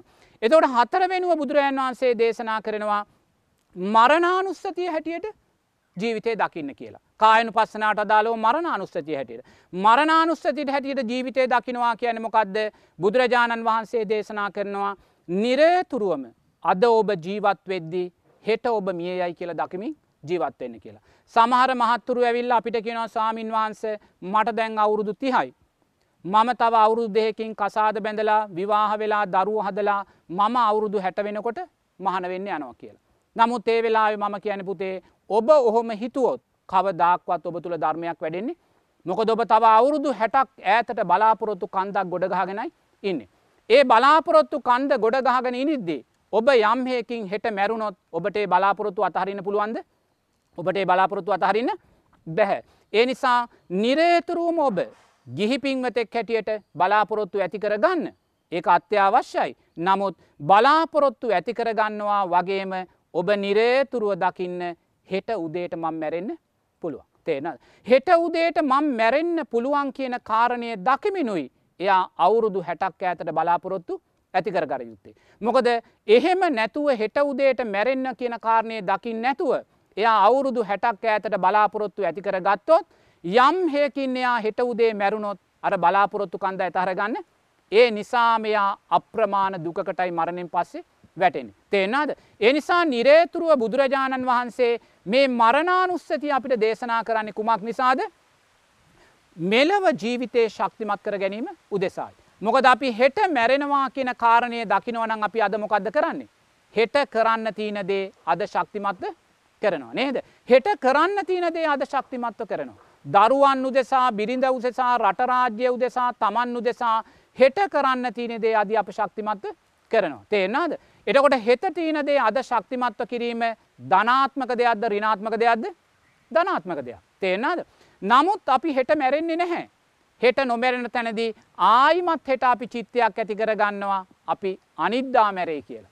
තේන්නත් අනිද්දා මැරේ කියලා චිත්තයක් ඇති කරගෙන අපි ආයිමත් මොකද කරන්නේ අනිද්දා කරන්න තියෙන දේහෙට කරනවා. එතකොට ඒක ධනාත්මක දෙයක්ද රිනාත්මක දෙයක්ද ධනාත්මක දෙයක්. එනම් මරණානුස්සතිය වඩනවා කියන එක ධනාත්මක දෙයක්ද රිනාත්මක දෙයක්ද ධනාත්මක දෙයක්. නමුත් සමහරු මේ උතුම් ධර්මය නිරේතුරුවම අන්තවාදීව ගන්න. තේෙන්නාද ධර්මය හැමවෙලාම මධ්‍යම ප්‍රතිපදාවට අදාළවයි ජීවිතයට එකතු කරගන්න. මධ්‍යම ප්‍රතිපදාවට අදාළ නොවී අන්තයන්ට බරවී ධර්මය ගත්තොත් ඒ නිසා ධර්මයත් විවචනයට ලක් වෙනවා. සමහරු මරණානුස්සතිය වඩනවා කියලා එයා හරියට රැකියාව කරන්න හරියට ව්‍යාපාරය කරන්න එයා බිරිඳට දරුවාට හරියට සලකන්නේ නෑ හරියට කන්න බොන්න අඳින්න පලදින්න පිරිසිදු වෙන්නේ නෑ අනේ මේවා වැඩක් නෑ මේවා මැරෙනවා කියලා සියල්ල අතහැරලා ඒක ඇවිල් අන්තයක් ඒක කවදාකත් ධර්මයක් නෙමේ. මරණානුස්සතිය වඩන කෙනා මධ්‍යම ප්‍රතිපදාව තුළ මැද මාවත තුළ බොහොම පෞර්ෂත්වයෙන් ජීවත්වෙන කෙනෙක්. තේන මොක දෙයා හෙට මැරෙනවායි කියන කාරණය දකිමින් අද කළ යුතු දේ ශක්තිමත්ව කරනවා. එතෝට එහෙම වඩමින් ඔබ හැම දාම හිතන්න හෙට දවසේ මම මිය යන්න පුළුවන්. එනිසා මම අද දවසේ කළ යුතු දේ ශක්තිමත්ව කරනවා. එහෙම කුසල් දහම් වඩමින් ඔබ නිරේතුරුව දකින්න ඔබ මැරෙනවායි කියන කාරණය දකින්න. රෝගී භාවයට පත්වෙලා ඔබ මැරෙනවා නුවනින් දකින්න. ඒ මැරුණාට පස්සේ ඔබේ දේහය එම්බාම් කරනවා මල්ශාලාවේ නුවනින් දකින්න. ඒ දේහය පෙට්ටියේ තියාගෙන ඔබේ ගෙදර සාලමද්දේ තියල තියෙනවා නුවනින් දකිින්. ඔබේ ඥාතීන් හිතවතුන් නැවිල්ල ඒ දේහයට ඒ පෙට්ටියට ගරු කරනවා නුවනින් දකිින්. අවසානයේ දේහය ඔසවාගෙන ඥාතීන් සුසාධ භූමියයට ගිහිල්ල දානවා නුවනින් දකිින්. දැකලා අර ආදාහනා ගාරය තුළ එහෙම නැත්තං ඒ දරසෑය තුළ ඔබේ දේහය ගිනි තියෙනවා දකිින්. අවසානයේ ඒ දේහය මහපොළවට පස් වෙනවා දකින්න කියලා තියන. තේෙන්න්නද දැම්මන් ඔබෙන් ඇහුවොත් ඔබට ආච්චි කෙනෙක් සිය කෙනෙක් හිටිය කියල ඔබ මොකද කියන්නේ මට ආච්චි කෙනෙක් සිය කෙනෙක් කියලා ඔබ කියන්නේ. මං ඇහුවොත් ඒ ආච්චිට සීයට ඇස් දෙකක් තිබ්බාද කියල ඔබ මොකද කියන්නේ ඒ ආච්චිට සීයට ඇස් දෙකක් තිබ්බා කියලා ඔබ කියන්න. එහමනම් මං හැවොත්තේ ආච්චිගේ සීයගේ ඇස් දෙක මේ වෙලා කොතන්ද තියන්නේ කියලා ඔබ මොකක්ද කියන්නේ. ඒ ආච්චිගේ සීයගේ ඇස් දෙක මහපොළවට පස් වෙලයි තියෙන්. එනම් බලන්න ඔබේ ආච්චිට සීයටත් මේ වගේම රූපයක් තිබ්බා මේ රූපය මේ වෙලාවෙ කොතන්ද තියෙන්නේ මහපොළවට පස් වෙලයි තියෙන්. එනිසා නිරේතුරුවම ඔබ දකින්න මේ ඇස මේ කන මේ නාසේ මේ දිව මේ ශරීරය මහපොළවේ පස් ගොඩක් කළ දකින්න ඔබ දක්ෂ වෙන.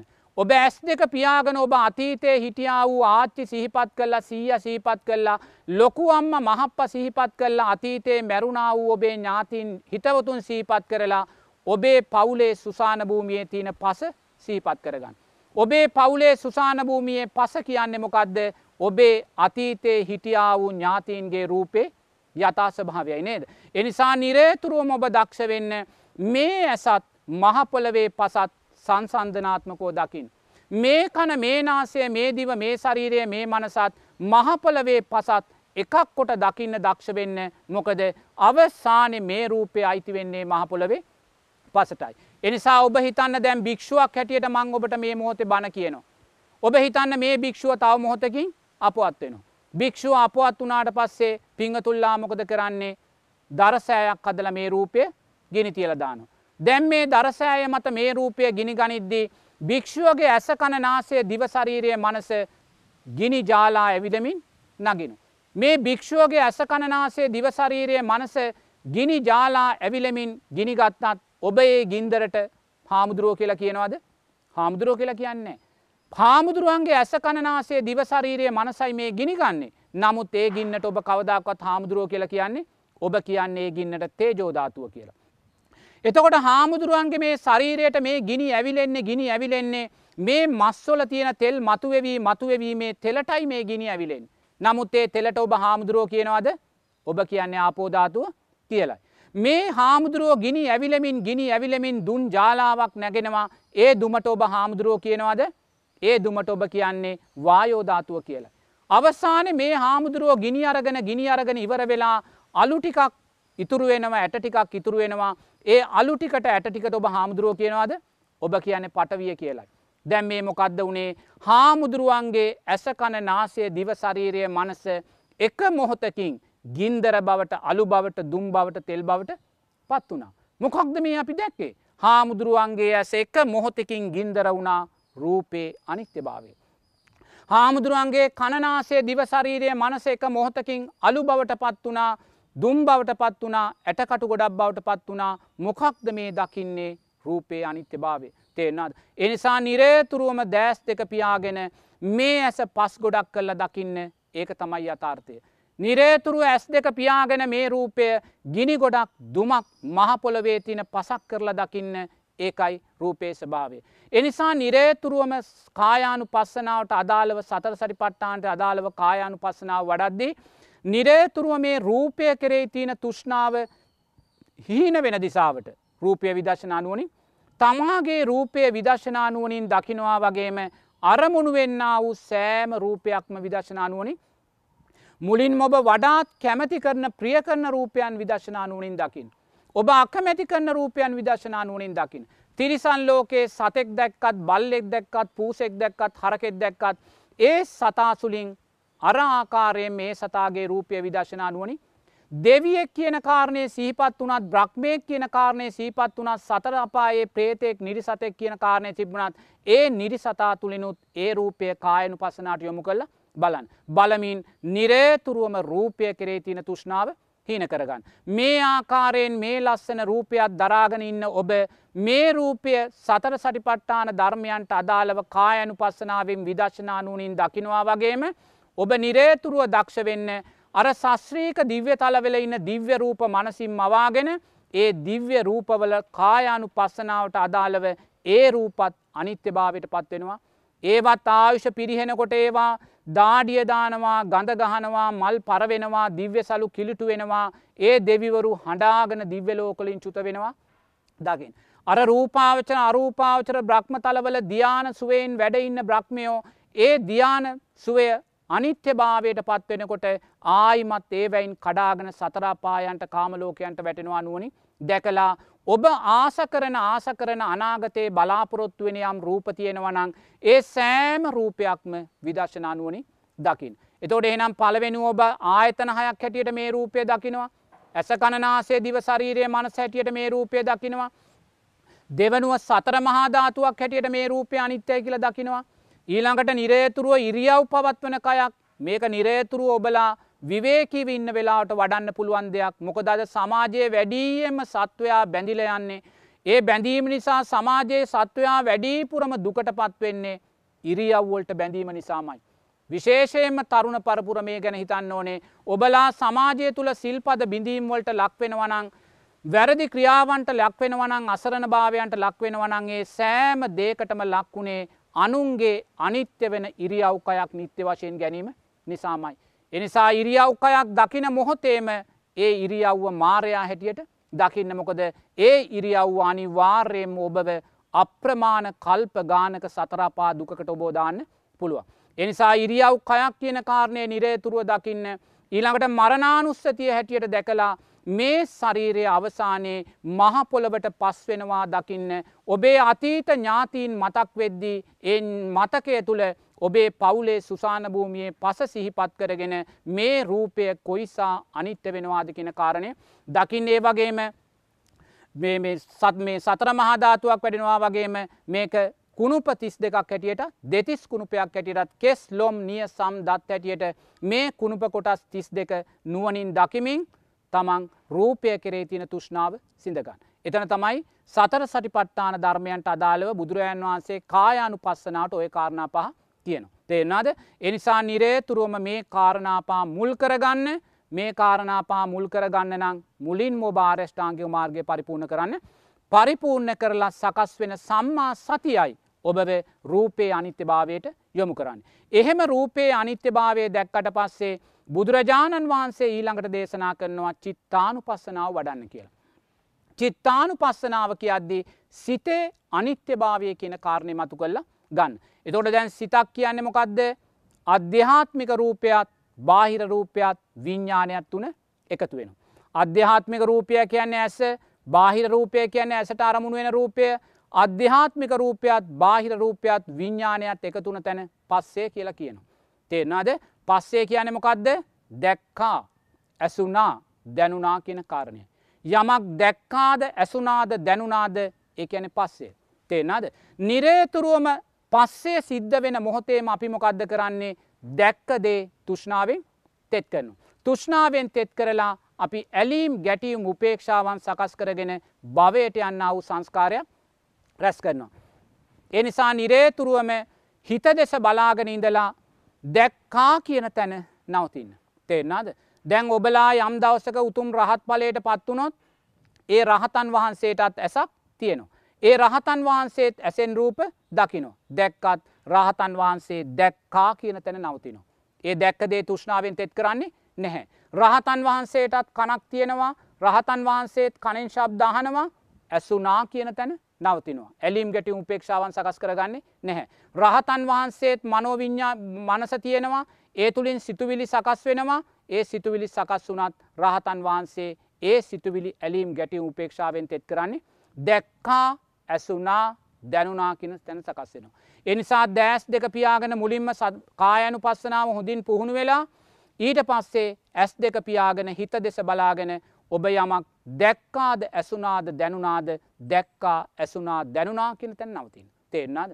දැක්කා කියන තැනදි නවතින්න. දැනුනා ඔබට ලෝභ සිතක් දේශ සිතක් මෝහ සිතක් සකස් වුනොත් දැනුනා කියන තැන නවතින්න විතර්ක සකස් කරගන්න යන්න. තුෂ්නාවෙන් තෙත් කරගන්න එපා.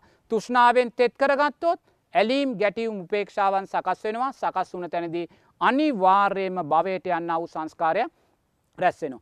එනිසා ඇස් දෙක පියාගෙන හිත දිහැ බලලා සකස් වෙන සෑම හිතක්ම අනිත්‍යයි කියලා දකින්න. තේරනාද ඒක චිත්තානු පස්සනාවට අයිති වෙනවා. නමුත් චිත්තානු පස්සනාව වඩන්න නම් කායානු පස්සනාව අනිවාර්යම පුහුණු වෙලා ඉන්න ඕනි. මොකද රූපය ඇසුරෙනුයි පස්සේ සකස්වෙන්. එනිසා කායානු පස්සනාව හොඳින් පුහුණු වෙලායි ඔබ චිත්තානු පස්සනාවට යන්න ඕන්. කායානු පස්සනාවිදි රූපය අනිත්‍ය භාවය දැකල හොඳින් හුරුණාට පස්සේ දෑස් දෙක පියාගෙන මේ සකස් වෙන්න වූ සෑම සිතුවිල්ලක අනිත්‍ය භාවය දකිින්.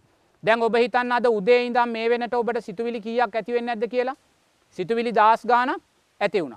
දැන් උදේ නැකටින්න කියලා හිත කිව්ව වතුර එකක් බොන්න කියලා හිත කිව්ව තේ බොන්න කියලා හිත කිව්ව දැන් මෙහට එන්න කියලා හිත කිව්ව.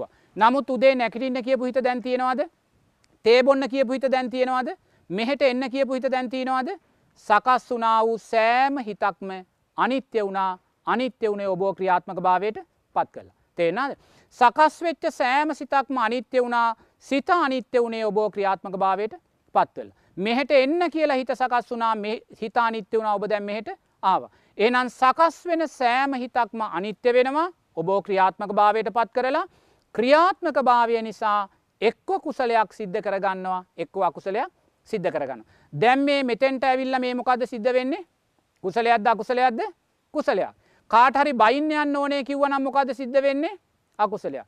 එනම් සකස් වෙන සෑම හිතක්ම අනිත්‍ය වෙනවා ඔබෝ ක්‍රියාත්මක භාවයට පත් කරලා ඔබව ක්‍රියාත්මක භාවයට පත්වීම නිසා එක්ව කුසලයක් සිද්ධ වෙනවා එක්කෝ අකුසලයක් සිද්ධ වෙන. කුසල්ල කුසල් කියන මොනවාද සංස්කාල්. සංස්කාරෝල ස්භාවය මොකක්ද අපිව භවයට අරගෙන. එනම් බලන්න අපි සකස් කරගන්නා වූ සෑම සිතුවිල්ලක්ම. නිත්‍ය වශයෙන් ගන්න මොහොතක් පාසා භවයට යන්න වූ සංස්කාරයක් සෑම නිමේශයකද අපි රැස් කරන. එනම් ඔබ ඇස් දෙක පියාගෙන පැයභාගයක් මේ සකස් වෙන සෑම හිතක් මොබ අනිත්‍යයි කියලා දැක්කනං ඒ පැයභාගය තුළ ඔබ භවයට යන සංස්කාරයක් රැස් කරනවාද නැහැ තේන රැස්සුනේ නැහැ. එනිසා නිරේතුරුවම ඇස් දෙක පියාගෙන සකස් වෙන හිතේ අනිත්‍ය භාවය දකින්න ඒ හිත පංචනීවරණයක් වේවා සප්ත බොජ්ජංගයක් වේවා නිරේතුරුවම ඒ හිතේ අනිත්‍ය භාවය දකිමින් ඉන්න චිත්තානු පස්සනාව වෙන. දැන් ඔබ මුලින් කායානු පස්සනාවටාව චිත්තානු පස්සනාටාව දැන් ඔබ හිත දෙස බලාගෙන සකස් වෙන හිත අනිත්‍ය වශයෙන් දකිමින් චිත්තනා චිත්තානු පස්සනාව තුළ ඉන්න. ඔබ චිත්තානු පස්සනාව තුළ ඉද්දී. ඔබට දැක්කදේ ඇසුනදේ දැනුනදේ අනිත්‍යයි කියලා දකින්න පුළුවන්කමක් ලැබුණේ නැහැ. ඔබේ හිතේ විසරීමක් නිසා ඔන්න මොකද කරන්නේ? දැක්කා කියන තැන නවතින්න බැරි වුණ. සිත සකස් වනාකි තැන අනිත්‍යය කළ දකින්න බැරිවෙච්ච තැන මොකද වෙන්නේ? අනිවාර්යම විඳීම සකස් වෙන විඳීම ගැනමොකක්ද ඇලීම ගැටීම උපේක්ෂාව. එක්ක දුක්වේදනාවක් එක්ක සැපවේදනාවක් එක් උපේක්ෂාසාගත දැන් කුමක් නිසාද වේදනාව සකස් වනේ පස්සේ නිත් අනිත්‍යය කළ දකින්න බැරිවුණ තේන දැක්කා ඇසුනා දැනුනා කියන තැන නවතින්න බැරිවුණ.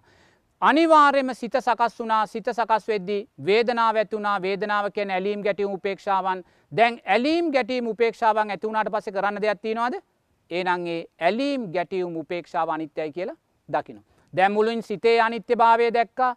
දකිමින් ඉන්නකොට එක පාට අපිට හිත අනිත්‍යය කියලා දකින්න බැරිවුණ තැන අනි වාර්යෙන් මේ හිත ඇලීම් ගැටියුම් උපේක්ෂාවන්ට ඒ ඇලීම් ගැටීම් උපේක්ෂාවන් අන්න එතකොට අනිත්‍යයි කියලා දකින්න එතකොට ඒක වේදන අනුපස්සනාවට වැටෙනවා.